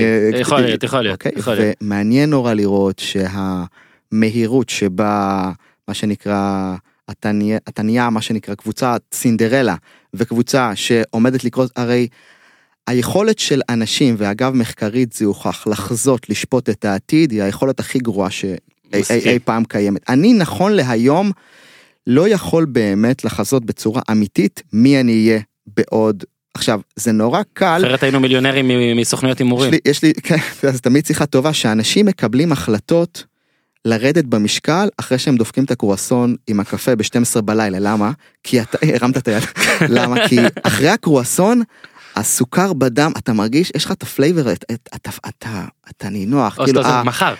ממחר. ואתה אומר, וואו, אני הולך לקבל את ההחלטה, איזה כיף. ואתה קם בבוקר, ופתאום זה משתנה. למה? כי אנחנו גרועים במה שנקרא לחזות את מי נהיה. וה- והרעיון הוא שמה שנקרא לשאלתך, מבחוץ נורא נורא קל, מה שנקרא, זה, וסליחה על הביטוי, כן, אתה יושב מולי, מבחינתי אתה בן אדם מדהים, אבל אתה גם Sunday coach. כן? Sunday coach. או כן. או Tuesday coach, כן? לגמרי. והמאמנים של יום ראשון הם תמיד הכי טובים, אבל הם לא חיים איתנו, הם לא חיים במסע הזה, והם לעולם לא יוכלו להיות שם. למה? כי הם טובים בלסקר את מה שכבר נעשה. אנחנו משנים חיים של אנשים, בניצחונות, בהפסדים. אחרי ההפסד למכבי חיפה, מגיע קהל שלם ומוחא כפיים, וחלק הולכים הביתה, ואלה שהולכים הביתה זה נהדר, ואלה שנשארים זה נהדר, אין טוב או רע, יש חוויות חיים. מהמם. השאלה היא מה אתה הולך. האם תלך ותגיד, אמ, טוב וואו, תדבר רק על השלוש אליפויות, או מה שנקרא, הייתה לנו שיחה קודם, כן, על אה, ספורטאים שהזמנת והם היו אומרים בוא בוא כן, גם על זה אני ארצה לשאול. כן. כן, בוא נחכה לניצחונות. יש- ספורטאים יגידו, כן, בוא נחכה, נחבר ל- שלושה בוא. נחבר שלושה ניצחונות ואז אני כן. אבוא לדבר איתך, כן, מה זה אומר? בוא רק נגיד, אתה רצית, לא לא רצית שתפסידו מן הסתם, אבל אתה, היה לך טוב של לבוא אחרי הפסד גם. אתה כן, רצית, לגמרי, כי המסר, כי המסר שלי הוא איזה חיים אנחנו בונים בתוך המשחק הזה. א' כל אני מוכן לשחק, להסתכן, או שאני שחקן של הכל או כלום, כן? כשמנצחים אז אני בא להשקות, וכשמפסידים אז אני מסתגר בבית. וה, וה, וה, והסיבה שאני כאן היא כדי להציף איזושהי מחלה ממארת שקיימת כאן בעולם הזה, בישראל ובכל מקום בעולם. מגפה של ערך עצמי תלותי. מגפה שמי שחולה בה ודבוק בה, מתעורר כל בוקר, והשווי שלו כאדם נמדד רק על סמך השיחת טלפון אם עבדה לי המכירה היום בביזנס אז אני שווה משהו ואם באתי הביתה בלי uh, העסקאות שתכננתי אז אני לא אהיה נעים לאשתי. אז איך אתה משכנע נגיד את השחקנים? אני לא ב- משכנע, קודם כל מלמד אותם שאתה יכול, עכשיו, ו- וזה מסע, כן, אתה לא יכול, ל- זה לא נוסחה מתמטית, שאת, אבל הם חייבים להבין שהרבה לפני שהם נכנסו למשחק, הם, היו אנשים בעלי ערך מעצם היותם, מעצם הקיום שלהם, מעצם החתירה החופשית שלהם לביצוע, מעצם החתירה החופשית להיות הטוב ביותר שאני יכול להיות, עצם זה הופך אותך כבר לווינר, למה? כי יש עוד 95% שמפחדים בכלל לעלות למשחק הזה. אמ, אני ראש חוג האימון המנטלי היום באוניברסיטה הפתוחה ויש לנו קורס הכשרת מאמנים ואחד ובמהלך הקורס אה, כבר המאמנים מתחילים לעבוד עם, אה, עם אנשים לא רק ספורטאים אלא בכלל מהמם. ואחד הסיפורים המאתגרים הזה שבאים אליי מאמנים ואומרים לי תשמע הילד מקיא לפני משחק. מקיא לפני משחק. כן. למה? הוא, הוא, הוא, הוא fucking בן 13. 12 הוא מקיא לפני כי הוא לא יכול לשאת את המחשבה של מי אני אהיה כשאני אחזור הביתה כן ואני לא מה שנקרא במרכאות ידווח לאבא על משחק טוב. אגב רוב ההורים ביציע אבל אה, חשוב לי שתבין ש, אמ, שהתשובות הן קצת יותר מניצחת או הפסדת. תשובות הן איזה אנשים אנחנו בונים כאן. ואני הייתי ילד שגידלו אותי מה שנקרא על תוצאות. וזה חיים נוראים ואם יש לי משימה או שליחות אחת זה לוודא שהדבר הזה לא יקרה. ונכון אנחנו ב, בארגון מכוון תוצאות מכוון הישגים אבל אין מה לעשות אתה כן, יודע. אתה יודע, כי גם יש את כל הקטע הזה, נגיד אתה... יש את כל הטורנירים האלו שעושים לילדים ואומרים לתת לכולם את המדליה בסוף וכל הדברים האלה ובסופו של דבר עד כמה זה נחמד וזה באמת ואני אגב באמת בגישה שבכל הגילאים הצעירים לא צריך אפילו לספור תוצאות לא צריך אפילו לעשות טבלאות. צריך יותר כמו במקומות בחו"ל שפחות עושים טבלאות ויותר דואגים שהשחקנים בגיל 18 ו-19 יהיו בוגרים שחקני בוגרים טובים יותר ופה גם מאמני נוער נשפטים על תוצאות שזה כאילו על תוצאות כדורגל ולא על כמה שחקנים הכשרת שזה באמת הזוי. בכל זאת הפועל באר שבע ומכבי תל אביב, מכבי חיפה בכל זאת קבוצות בוגרים בישראל ובעולם.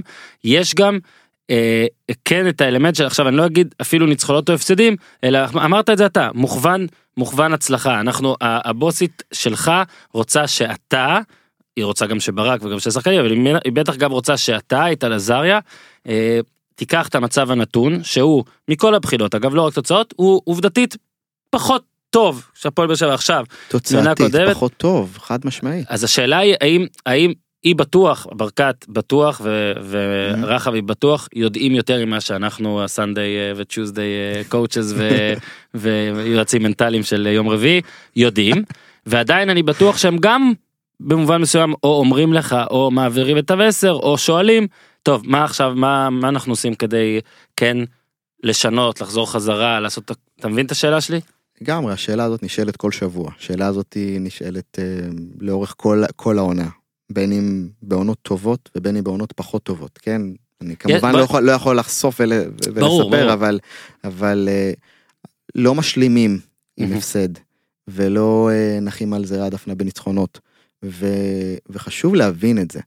ולפעמים ה, ה, התשובות לא מגיעות מיד בצורה כל כך מהירה, ויש זמן אה, הטמעה של שינוי, ויש זמן אה, בנייה לכל דבר. אתה, אתה אף פעם לא יודע אם זה ייתפס מהר, או אם זה ייקח, אתה יודע, אין איזה טיפה- 1 2 טיפה 3 שאתה יותר אומר זמן. אם אני אעשה את זה זה יעבוד הרי אין את זה יש את זה כאילו, במקצוע הזה אז, אז, כמובן שיש, אתה יודע, זה מקצוע שחוסר הוודאות בו הוא הדבר הכי קבוע שיש, והדברים משתנים והדברים הם יותר אה, מאתגרים כשאתה עושה את הדברים שחשבת לנכון שהם הדברים הנכונים, ואז זה- וזה לא עובד. ושנייה רגע, זה עבד לי לפני שתי אליפויות. זאת זה מתקשר לשאלה הקודמת שלי ואיך זה, איך זה לא עובד עכשיו? כי, כי, כי עכשיו זה לא מה שהיה לפני שנתיים, ואנחנו לומדים את עכשיו, אוקיי? ואתה לומד את עכשיו במסגרת כל הלחצים שקיימים עלינו, והלחצים תמיד הם רק הולכים וגדלים בטוב וברע. סדרה של אה, שבעה משחקים עכשיו, ש- תיקו, ניצחונות, כאילו היו דברים שזה, לא שמעת יותר מדי מהתקשורת, אבל גם לא שמעת איזה יופי הם חזרו לעצמם, איזה יופי עם זה. ו- ו- וחשוב שנבין ש... כן, כאילו אתם שרופים העונה אתם שרופים אתם לא אלופים אתם שרופים אז, אז אני לא יודע מה, אתה יודע, אני לא, אני, זאת אומרת, זה, זה, וזה תמיד יתחדש. תמיד הכותרת תהיה אה, ביום שלמחרת, ותמיד היא תגיע, ואנחנו שואלים כאנשים שמסתכלים לפחות קדימה, חלק מהשאיפה הזאת אה, אה, למועדון, אז אם נסתכל בתמונה גדולה, כן, ותשאל אדם, אה, תגיד, זה, בסדר שמסע של קבוצה אה, שלא זכתה לא מעט שנים, לעבר אליפות תהיה ארבע שנים שבה היא תזכה בשלוש אליפויות, תהיה לה עונה מאתגרת, והיא תלמד, עכשיו אם לא נלמד מהעונה הזאת, אנחנו נפסיד בגדול באמת. ו, אה, ואנחנו את זה לא נהיה מוכנים מה שנקרא לעשות. העונה עוד לא הסתיימה, יש לנו את, ה, את המטרות, יש לנו את הדרכים ואת, ה, ואת הצעדים לעשות, אבל אה, אה, זאת עונה מבחינתי מאוד מאוד אה, אה, מכוננת אפילו. ו- ובטח כשברק אמר שזאת העונה שתהפוך אותו להכי טוב, כי ז- אלה העונות שהופכות אנשים לאנשים חזקים יותר, טובים יותר, לא כסיסמה, כ- כ- כעובדה מוכחת, תבדוק את כל ספורטאי העילית, ובטח את המאמנים ה- הטובים בעולם. הוא היה פה אגב באחר והוא יבוא שוב אמרתי לו שאולי זה הסיבה שהוא לא בא הוא שנה שעברה היה אמור לבוא ולא הצליח בסוף אחרי אליפות טס לחו"ל לא הצליח. את זה בסוף. זה יכול להיות כן אני אני לוקח אחריות אתה מבין אני לוקח אחריות. והשאלה שאני אשאל אותו ואני עושה ספוילר אה, כי אולי עכשיו תוכלו להכין אותו אליה השאלה אחת השאלות שהכי מעניינות אותי לשאול אותו זה. התחלת אה, מאמן אה, כמאמן בקריית שמונה מהרגע הראשון היית הנסיך. התחלת הצלחת באת אחרי אה, בוא נגיד אה, פתיחת עונה פחות טובה מבחינת תוצאות. בקריית שמונה לנדאו הלך הביתה הוא אה, אה, קפץ לבוגרים. בום עשה עונה טובה בום גביע בום עובר לבאר שבע שלא זכתה 40 שנה בום אליפות בום אליפות מנצח את אינטר פעמיים בעונה.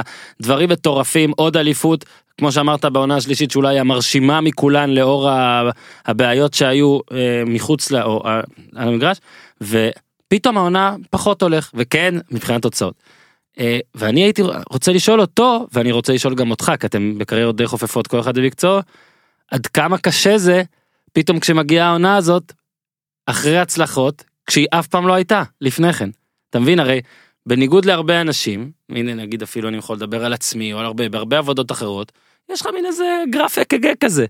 אצלכם אתה נכנסת למקצוע הזה, או כשנודעת לראשונה, לפחות במיינסטרים למקצוע הזה, זה היה בקריית שמונה, באת איתו. מהמם. הצלחתם, הצלחתם, באר שבע, הצלחתם, הצלחתם, הצלחתם, העונה כן, תוצאות, פחות הולך. עד כמה יותר קשה אתה חושב לבן אדם לצאת ממצב כזה, לעומת בן אדם שכבר היה פעם אחת במצב כזה. אם חייך מוגדרים על התוצאות, נורא נורא קשה. מהמם. אני, אני אומר את זה כ, כ, כ, כמסר החוצה. אם אתה זקוק לניצחון כדי להרגיש שאתה שווה משהו, הפסדת את המשחק עוד לפני שהתחלת. אתה חושב שהוא לא, שה- אתה חושב שהוא לא פחות, אגב, נגיד- רגע, שנייה, אני, אני, אני לא אומר שלא ישתמע פה לא להתבאס בהפסדים ולא לקחת את זה כן. קשה. או לא וגם- לנסות או לא- חזק, כי לא או- נורא, אתה יודע, כן, זה, זה עוד, כשלוקחים את הגישה שלך יותר מדי רחוק, אולי זה מביא פסיביות. לא, לא, לגמרי, לכן אני ככה רוצה בטח לדייק, כי השאיפה היא השאיפה הכי גדולה שיש, לממש, לבטא את עצמנו, להיות באמת הטובים ביותר שאנחנו יכולים להיות. אבל אם תחשוב על זה, אנחנו לא רוצים להזדהות ברמה העמוקה ביותר עם התוצאה ניצחון או הפסד, למה? כי אז ההתאוששות חזרה היא נורא נורא קשה. אחד הדברים אני חושב שמייחדים את, אה, את ברק זה החתירה הבלתי מתפשרת שלו להיות באמת אה, נוכח בכל רגע ולהתאושש ממה שנקרא וזה נהדר אתה יודע זה מדהים לראות אותו גם אחרי אתה יודע רגעי שיא מהמם. ויש שמחה אבל יש מיד מיד חזרה לעניינים וגם עכשיו כן הוא לא אה, לא תראה אותו מסתגר או לא, לא הוא עובד עושה בדיוק את מה שהוא צריך כי הוא זה, זה הדרך שהוא מאמין בה ובסוף היום אתה תשאל עשיתי או הייתי או חייתי את הדרך שאני מאמין בה או לא. אוקיי? וזאת שיחה שהפכה להיות כל כך צינית בטח ב, ב, בחברה שלנו. כן דרך דרך אבל מה עם התוצאות? כן דרך אבל מה עם התוצאות? זה בדיוק כמו אותו מאמן נוער נערים שאומר לשחקנים שלו לך תהיה אמיץ תעשה אחד על אחד אני איתך אם תטעה אני איתך. בשנייה שהוא טועה הוא סט של צעקות שנשלח לעברו ואז ואז אין באמת את זה. כן עכשיו שלא שנבין אם אם לאורך זמן כן החתירה הזאת להיות עסוקים בדרך תביא ל long run תוצאות. מהמם. אם היינו עושים את השיחה הזאת אחרי האליפות השנייה כולם אומרים וואו זה נכון צודק בואנה תראה הדרך הביאה אליפויות. fuck עכשיו כולם אומרים עזוב מה דרך אין תוצאות. אז אני כאדם חייב לבנות את השריון המנטלי שלי כן ואחרי זה לעזור לעזור לעשות את זה הלאה החוצה. כדי שבניצחונות הקרובים אני אומר הקרובים זאת אומרת בשנים הקרובות כשיחזור להיות טוב ומה שנקרא נקבל כפיים שוב מהתקשורת או נקבל בראש שוב מהקהל אה, או מה, מעוברי האורח נדע מה שנקרא להיות יציבים ולהבין שלא זה מה שהגדיר אותנו. מהמם. וכש... ואני חוזר את זה כי זה היה באמת רגע מרגש שבסוף המשחק בהפסד למכבי חיפה הקהל עומד ומוחא כפיים. זה מבחינתי היה רגע היינו עם דמעות על המגרש אנחנו הצוות כי זה היה רגע מבחינתי אה, מיוחד ש, שהכדורגל שלנו לא כל כך מכיר. מהמם. אתה מכיר את זה באנגליה אתה מכיר את זה ש- שמוחאים כפיים על, אה, על, על רגע אנחנו לא שוכחים. אנחנו יודעים מה נבנה כאן אנחנו יודעים מה היה כאן כן ו, ו, ו, ואימפריות חוות מכות קלות בכנף וזה בסדר וזה קורה. אגב הייתי ב, ביוון לפני מספר חודשים באיזושהי הרצאה ואתה מכיר את המיתולוגיה היוונית יש לך ככה קצת קשר טיפה, סתם טיפה. שלום שלום שלום, לא, שלום, בדיוק כן, זאת אז- ההגדרה. אז אה, כן אז מי שמכיר את האקרופוליס יש שם ככה את הפרטנון כן המקדש ה... אז יש שם את אה, יש שם סיפור מעניין על אלת הניצחון ניקה. כן. את נייקי אתה מכיר? נייקי כן. נייקי השם של נייקי לקוח מניקה איי, הניצחון לניקה יש איזה כנפיים טובים במיתוג הם. הם טובים מעולים במיתוג וסיפרו שכשהם היו מנצחים שם במלחמות אז הם היו באים לשם למקדש הזה כדי לזכור שלניצחון יש כנפיים כן winnings winning have wings מהמם. והרעיון הוא שאגב, גם ההפסד לא לנצח, גם הניצחון לא לנצח, השאלה מי היית במסע הזה. ואם תיקח את הספורטאים הטובים בעולם, אז אותם אנשים ש... אמ, שחיו את הדרך באמת, וזה יכול להיות אה, קובי בריינט, זה יכול להיות אגב אחד ממורי הדרך המדהימים שלי, אדי גורדון, שחי את הדרך, ואנשים שבהם הם, הם סיימו את הקריירה, והם הרגישו שלמים, הם לא הלכו לסמים, הם לא התאבדו, הם לא סיימו את החיים שלהם ו- ורבו עם האנשים והתגרשו, לא, הם בנו את עצמם כאנשים שלמים במסע הזה. ו- ומעבר לרצון והשאיפה האין סופית שלנו תמיד להצליח, להיות בתוצאות, בואו נשים רגע את הזווית של האדם שאנחנו רוצים לבנות. אגב, אצל רוב האנשים אין מרווח ביטחון בין האדם שהם לבין הספורטאי, לבין התפקיד, לבין ה... זאת אומרת, אצל רוב האנשים זה, אני זה המנכ"ל שאני. זאת אומרת, התוצאות שלי כמנכ"ל, כן. יגדירו את עצמי בגלל זה כאדם. אנחנו מתעצבנים, אני מדבר אנחנו, אוהדי כדורגל מתעצבנים, אני אגב נגד זה ששחקן יוצא לבלות או יוצא למסעדה אפילו אחרי הפסד, זה, זה תמיד משגע אותי, כאילו אני תמיד אומר אחרי יום רע בעבודה שלך, אתה לא תצא ל- לפעמים לבירה, לפעמים זה היה אגב עדיף. אני נגיד הייתי אומר לשחקנים אולי לפעמים צאו אחרי הפסד, אחרי ניצחון שערו בבית. אבל כן. אגב, כמה שאתה גם בא וכאילו גם מטיף לתרבות הזאת, אי אפשר להתעלם מזה שהיא ממש כאן. אני לא בטוח שהיא גם תיעלם, אני מניח שהעבודה שלך היא איכשהו להשליט סדר בראש של השחקנים שלך והמאמן והכל ב- בעולם, בעולם, בעולם הזה. אה, משהו אולי אפילו אחרון בנושא הזה כדי שכן נתקדם. אה, יש המון דברים שאתה לפעמים נתלה בהם בהסבר שהוא מעבר לכדורגל ואחד הדברים זה למשל הכוח של אצטדיון טרנר שעובדתית מהרגע שנכנסתם אליו לא הפסדתם בו בליגה שלוש עונות עד למחזור האחרון נגד מכבי תל אביב שחגגתם אליפות בהפסד הזה. אה, והעונה אה, ראיתי העונה הפסדתם בטרנר הנה ניצחונות והפסדים 19 נקודות הלכו בטרנר זאת אומרת אחרי שנגיד ב-2016-2017 כל העונה 4 הלכו. ו-19 זה כמעט מה שהפסדתם בשלוש עונות שלמות בטרנר. עכשיו השאלה שלי עכשיו היא נטו במוב- באס- באס- באספקט הפסיכולוגי. כמה טרנר היה גדול פסיכולוגית וכמה עכשיו פתאום משהו יש איזה חור בבועה הזאת האם יש פה משהו פסיכולוגי בכלל או שאז חיפשנו את זה והיום אנחנו מחפשים את זה ולא היה אז ולא היה ואין היום. זה בועה יפה שנבנתה, אין מה לעשות, כן? טרנר, טרנר. נבצר, המספרים עזרו, ואז זה יותר ויותר גדל, ובאיזשהו שלב, כשזה לא קורה, אז זה משרת את הכותרת. זה משרת את הבנייה, זה משרת את הבלון, זה טרנר כבר לא טוב, אז זה כותרת טובה, אז התנפץ פה משהו. ואז אתה שומע וקורא ואתה אומר, וואו, תראה מה קרה פה, ובוא נבין וננסה לנתח, ו- ו- אבל זה משפיע על השחקנים אתה אומר משהו כאילו לא משפיע, אני בטוח זה משפיע. כל- בט- כל- כל הפסד משפיע. ואגב, Mhm. כל ניצחון דורש לייצר כן. המשכיות עליו. כן. וה... וה... החיפוש אחר איזושהי תשובה שתיתן, אמ, כן זה קרה כי, אתה יודע, זה, זה, זה, זה עונה שקרו בה כל כך הרבה דברים, ולהתחיל לנתח בפינצטה כשאנחנו מה שנקרא על הרצף של המשחק ועל הרצף של המטרות ועל ה... יש כל כך הרבה דברים עוד שאנחנו שואפים אליהם זה יהיה מה שאני חושב שזה זה לחטוא באמת ל... Mhm. ל... אני לפחות רוצה לתת איזושהי תשובה כנה ואמיתית אבל אתה עוד לא התחלת נגיד לבדוק דברים כאלה אתה מחכה כן, העשייה כל כך אינטנסיבית שלפעמים, אה, תראה כמה זמן לקחנו לקבוע, באשמתך כן, הפעם. אבל אם תחשוב, העשייה היא כל כך אינטנסיבית, והמעברים ממה היה במשחק הקודם לקראת המשחק הבא, הם, הם לא נורמליים, אז, ו- וחלק מזה, כן, הפסדנו בטרנר, ואיבדנו שם נקודות, ו- ו- ועשינו דברים אחרים בעונות, אח- זה משחק הרבה יותר מורכב ממה שזה, מה שנקרא, נראה על הלוח. אמ, כן, זהו, לא יודע אם נתתי לך פה תשובה חכמה, כי אני עדיין חוקר אותה בעצמי. הפודקאסט הזה ייבחן במבחן התוצאה. ואם אתה תביא מספיק מאזינים, מה אכפת לי מה אתה אומר? תראה, אה, קודם כל את כל הסטטיסטיקות השליליות שאספתי, אה, יש אה, חברת רדווד שעוזרים מאוד והכל, ומי שעובד בחברה הזאת, אחד מהם האנשים האדירים שבמבחינת סטטיסטיקה זה פריד אפריק, אני קורא לו ככה. הוא אוהד מכבי הרצליה. ואמרתי לו שאני צריך כמה כשבדקתי כמה נתונים ואז הוא שאלתי למה אתה מחפש פתאום עכשיו שוב נתונים על באר שבע הרי אני בעצמו אמרתי לו די כבר אני לא יכול לכתוב יותר על באר שבע זהו די אין לי מה עכשיו לחדש. אז אמרתי לו שאיתן עזריה אמור להגיע. ואז הוא שלח לי את התמונה הזאת תראה לי, שאני אני אני אולי אעלה אותה לרשת אם הוא יאשר לי אבל אני יכול לתאר למאזינים שיש בו אותך עם גביע מזל לראות את זה עם. חולצה של מכבי הרצליה אה, לידך אחותו אגב זו אחותו. ואז הוא ביקש אה, למסור דש הוא, הוא אמר לי גם ברגע שביקשתי את הנתונים על טרנר ודברים כי הרגשתי שיש איזה מידע בטרנר מן הסתם כמו הכל אז הוא כתב לי עזוב אותך שטויות תדבר איתו על גביע טוטו של 2006-2007 אז אה, פריד אני יודע שאתה מאזין גם אנחנו לא נדבר כי אז אה, כי איתן אומר לא לדבר על תוצאות וזה תוצאה של ניצחון אז לא נדבר.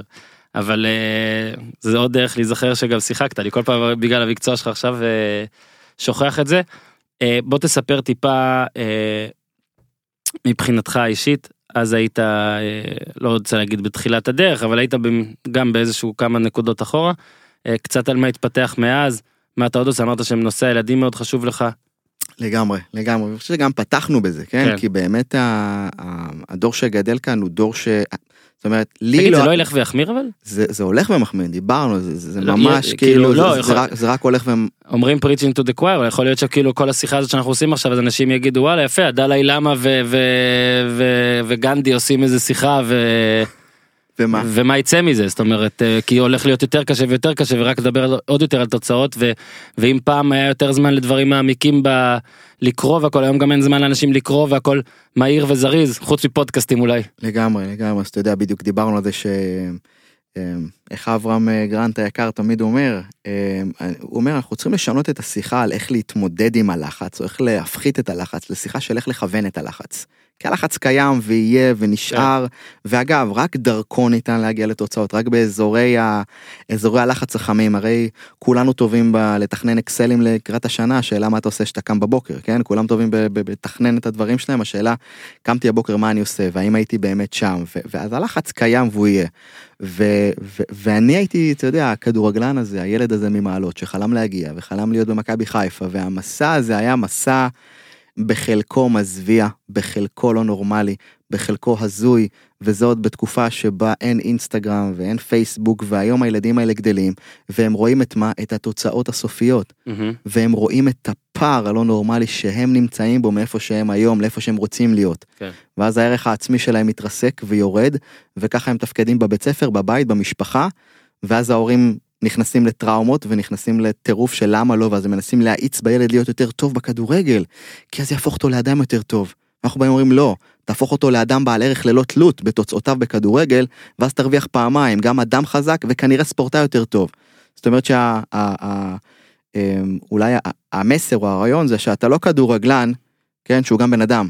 אתה קודם כל בן אדם, תבנה את האדם שאתה, אחרי זה אתה, אתה, אתה תבין שהתוצאותיך בכדורגל יהיו אשר יהיו, זה בסדר. וכשאתה מנצח נהדר, אל תייחס לעצמך את התהילה, כי לא, מה שנקרא, לא הכל עליך.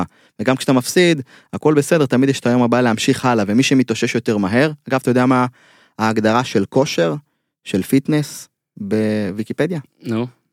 להיות יותר מהיר? לא. להיות יותר חזק? לא. fitness, המשמעות שלו היא כושר התאוששות. וזה זה מבחינתנו הדבר שאנחנו רוצים לעשות אה, עבור הדור הבא. כן הפודקאסט שלך גם מהמם. עוד מעט נדבר על עוד פודקאסט שאתה זה אבל פודקאסט שלך הביולוגיה של הווינרים כן. אז כן. אה, זה זה בדיוק הרעיון. הרעיון הוא ש... ש...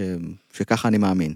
שנולדנו לא חסרים, לא פגומים, שאנחנו לא צריכים את הגביע, את התואר כדי להרגיש שאנחנו שווים משהו, אלא בואו נפתח את הערך העצמי שלנו, as is, כמו שאנחנו, ואז נוכל לפסוע כל אחד למגרש האישי של החיים שלו, שלם יותר, בביטחון עצמי יותר גבוה, וזה בעצם הרעיון. אגב, כל החברה מחנכת, מלמדת, אה, מאמנת אותנו להרגיש שאנחנו חסרים.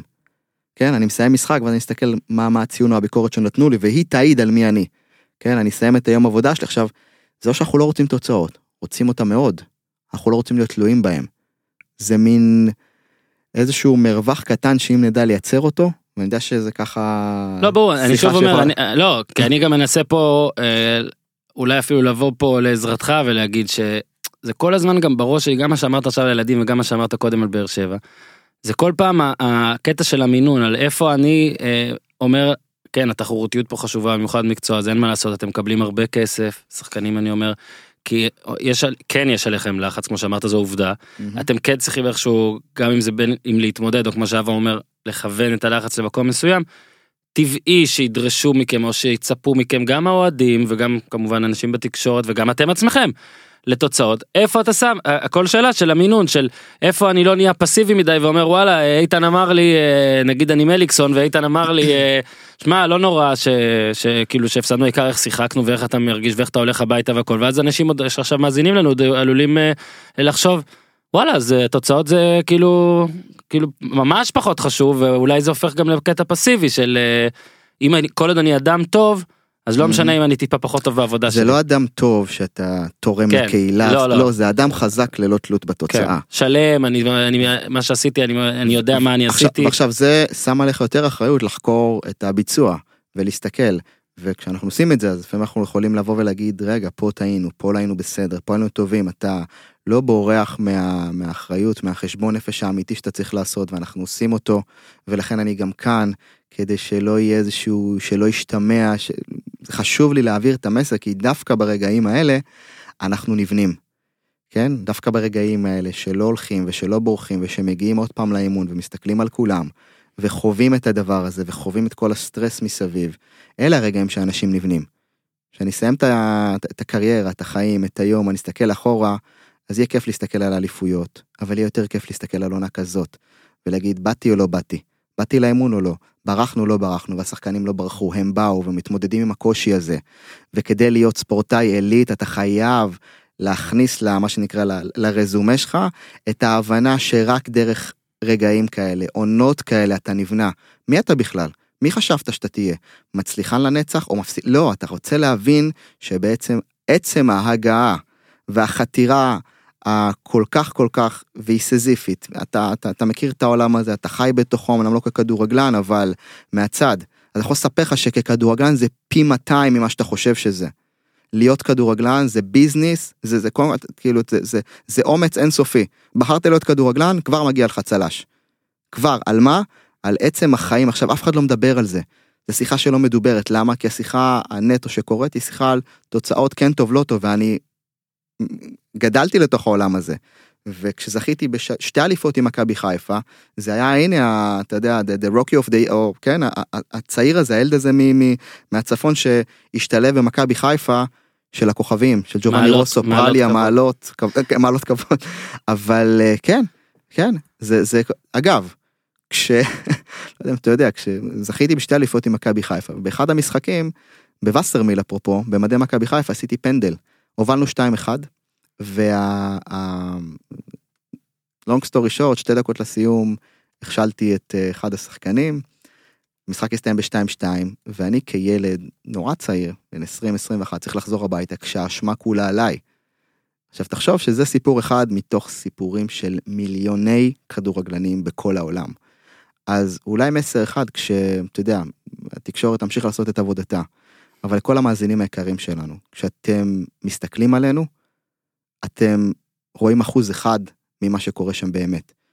ואתם אה, אה, עושים את עבודתכם נאמנה כשאתם מסתכלים על התמונה המלאה, ולא רק על התוצאה הסופית.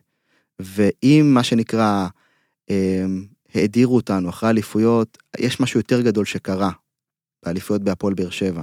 זה שילדים בבאר שבע התעוררו ואמרו, אנחנו ראויים בדיוק כמו הילדים האלה בתל אביב ובחיפה. גם לנו יש את האפשרות להגיע, אנחנו שווים קצת יותר. למה? כי פתאום קרה פה איזה משהו. כן, נכון, אליפות הביאה את זה, אבל עצם החתירה וה... ולהגיד שאנחנו ראויים להביא איזה אליפות זה כן, וגם עכשיו המסר לכולם הוא בדיוק כזה. לא האליפות הפכה אותנו להיות אנשים טובים יותר, ולא העונה הפחות טובה הזאת הופכת אותנו לאנשים פחות טובים, ואני חושב שזה המסע האמיתי. וככל שזה יהיה יותר ציני, אני יותר אדבר על זה. וככל שירימו גבה, אני יותר יציף את זה. וככל שנוכל לעזור לעוד ילד, לעוד כוכב, לחזור הביתה בלי להקיא, אני אגיד זאת ההצלחה הגדולה, אולי אחת הגדולות שלי. קודם כל אני אגיד דבר אחד, אה, אגב, איך שדיברת עכשיו, אני, אני, אני בטוח שיש עוד שני ילדים עכשיו שאו יאזינו לפודקאסט או משהו כזה, עוזר, "אה, וואי, הוא עוזר לי זה. אה, אני כן בטוח בזה שמדברים עליכם ככה העונה, בגלל שזכיתם בשלוש אליפויות והפכתם למין קבוצה שמצפים ממנה למשהו שעכשיו היא כאילו לא מקיימת, זאת אומרת זה מין איזה ביצה ותרנגולת אינסופית. אה, נושא אחרון, אה, כי הזמן דוחק, אין מה לעשות. אברהם, גרנט, אה, אתם מוציאים עכשיו, או הוא מוציא את בשיתוף פודקאסט ביחד, אתם מוציאים פודקאסט בשפה יותר פיננסית, בוא נקרא לו. כל פעם אני, כל פעם אח שלי עדיין שואל, תתחיל לעשות את הפודקאסט באנגלית, אני אומר לו, וואט? האנגלית שלך. אז אה, אה, חמש יחידות הייתי, ציון גבוה הייתי. פעם היא הייתה הרבה יותר טובה, אני יכול לקרוא ולהבין הכל ברמה מעולה, אם אתה שואל אותי אם אני יכול עכשיו להעביר פודקאסט שעה וזה יהיה בסדר באמריקה, אה, פחות, אלא אם כן, אתה יודע, אנשים יתלהבו כזה מהמבטא ובגלל זה יאזינו, כי זה היום גם בעולם הזה, היום אנשים מחפשים, אה, כל הבריטים הולכים להנחות טוקשואו באמריקה בגלל המבטא. אה, אבל אם תביע את האמת שלך זה משנה? נכון, זה לא משנה, אז תתחיל לעשות פודקאסט. האמת אולי כדאי שאני אבוא ואעשה דווקא מבטא ישראלי הכי הארדקור וזה זה יהיה הטיקט שלי. So uh, with us איתן עזריה, uh, the mental coach of הפועל באר שבע. Uh, טוב, הדבר האחרון באמת, אברהם, איך נוצר החיבור?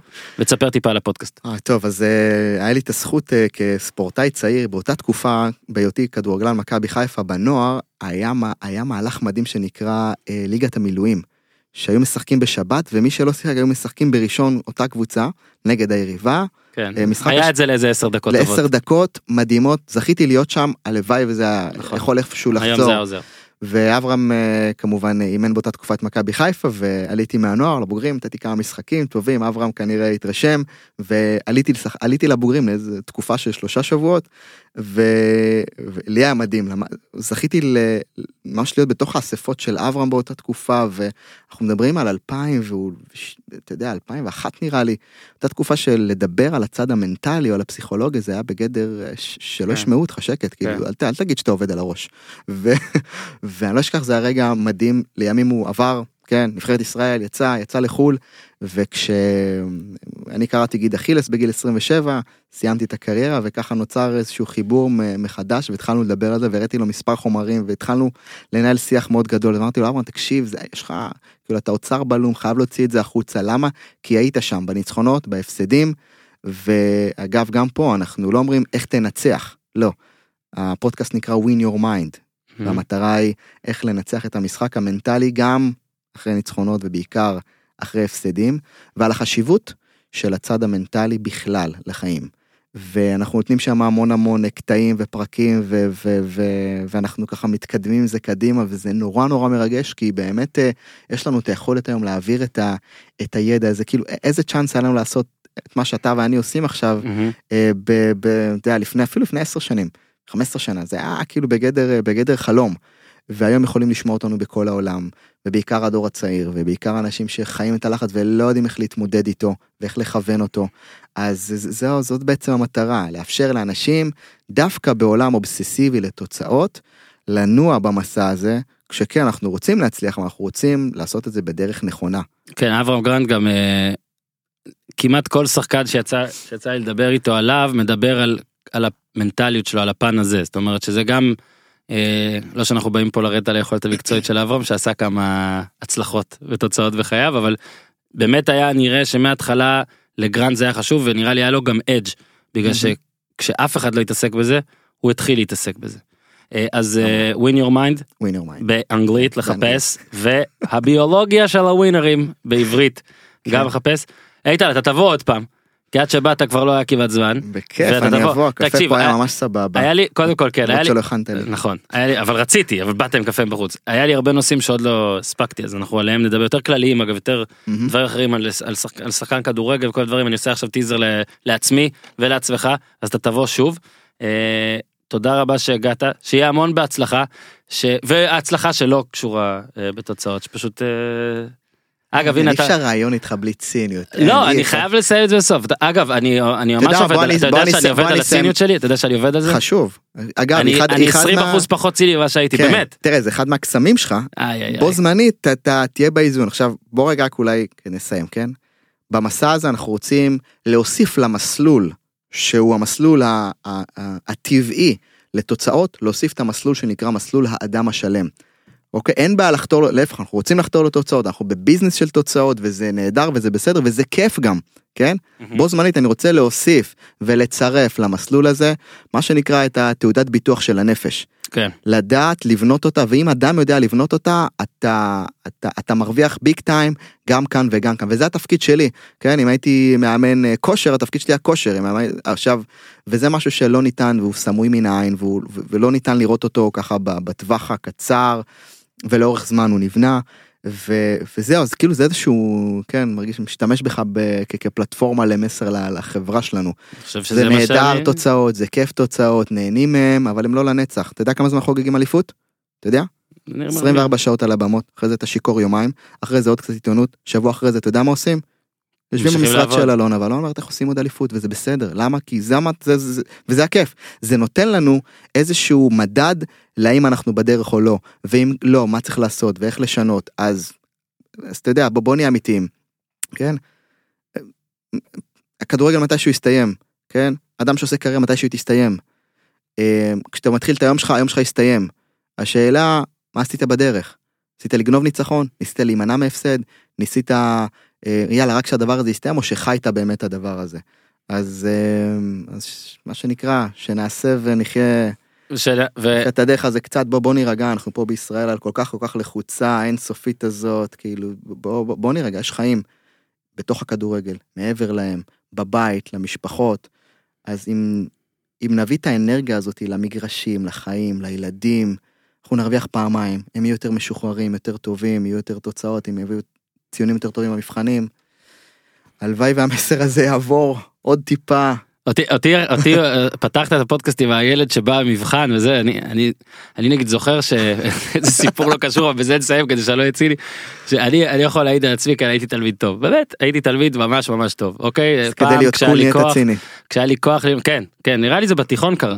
פעם הייתי ממש לא ציני, חנון אמיתי, ואני זוכר, תקשיב, אני הייתי מקבל נגיד, באמת, ביסודי, אני זוכר את זה, הייתי מקבל איזה 93, 95, אני- 93 נגיד, אני עוד יכול להגיד, אך, לא טוב, כזה, הייתי מהמעצבנים האלה, באמת, נורא, איש נורא.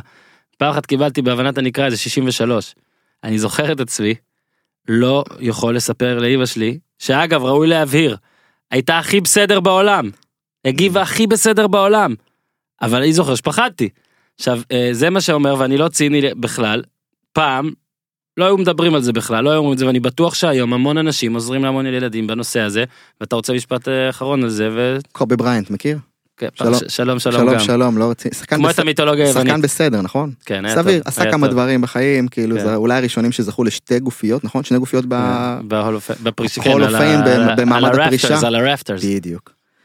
לא יודע אם אתה יודע, אבל קובי בריינט בגיל 11, אבא שלו, שהיה כדורסלן עבר, שלח אותו לטריינינג קמפ, כן? שבועיים, עשרה ימים, הוא חזר, והוא ספר באחד הפודקאסטים שהאזנתי, לאחד הראיונות שלו, שהוא חזר הביתה, והוא לא כלה סל אחד. קובי בריינט הגדול, לא כלה סל אחד. חזר הביתה, אפרופו בבושת פנים, זה יותר, גד... יותר גרוע מה-53 שלך או מה-60. 63, 63, לא, לא. נכשלתי. קובי בריינט חוזר הביתה, מסתכל על אבא שלו, ואיך אני מספר, הוא אומר, איך אני מספר לאבא שלי שלא קלעתי סל אחד. אבא שלו הסתכל עליו ואמר לו את המשפט הבא, בין אם תקלע 0 או 60, אני אוהב אותך anyway. תחשוב על זה, הוא אמר, זה המשפט הכי חשוב שהייתי צריך לקבל כילד שבנה את התשתית המנטלית שלי, כי אבא שלי נתן לי פעם ראשונה אישור להיכשל. ואז הוא אמר, כי אני יודע מה אתה רוצה מה עובר לך בראש, הוא אמר, רגע, אם אבא שלי אוהב אותי ב-0 או 60, let's go for 60. ואז הוא בנה תוכנית יעדים כי הוא הבין שיש לו את התשתית המנטלית להיכשל, לרדת למטה, וזה בסדר, וזה חובה. כן, הכישלון הוא השלב הכי חשוב בדרך לניצחון. אז אם אתה רוצה קצת תוצאות, אז הוא אחד מהם. אם אתה רוצה עוד תוצאות, תלך לג'ון וודן, אחד ממאמני הכדורסל הגדולים ביותר שהגיעו. כן, שהוא זכה אם אני לא טועה ב-12 אליפויות, 10 כן. מתוכן רצופות. 9,000 רצופות, או כן. 9,000 רצופות, כן? והוא חינך את השחקנים שלו לבין... כשהגעת הביתה בסוף היום, והמשפחה, האנשים שהכי אוהבים אותך, רואים אותך, ברגע שהם לא יוכלו לשים לב אם ניצחת או הפסדת, תדע שאתה ווינר. אני חושב שזה המסר למאה ה-21. ובזה לסיים, כי קובי כלה 60 במשחק הפרישה שלו, נכון? אז יפה, יצא יפה. גיזם, תודה רבה. איתן עזריה, תודה רבה, ושוב תודה, אמרתי, תבוא טוב, בכיף. ולכולכם, תעשו טוב.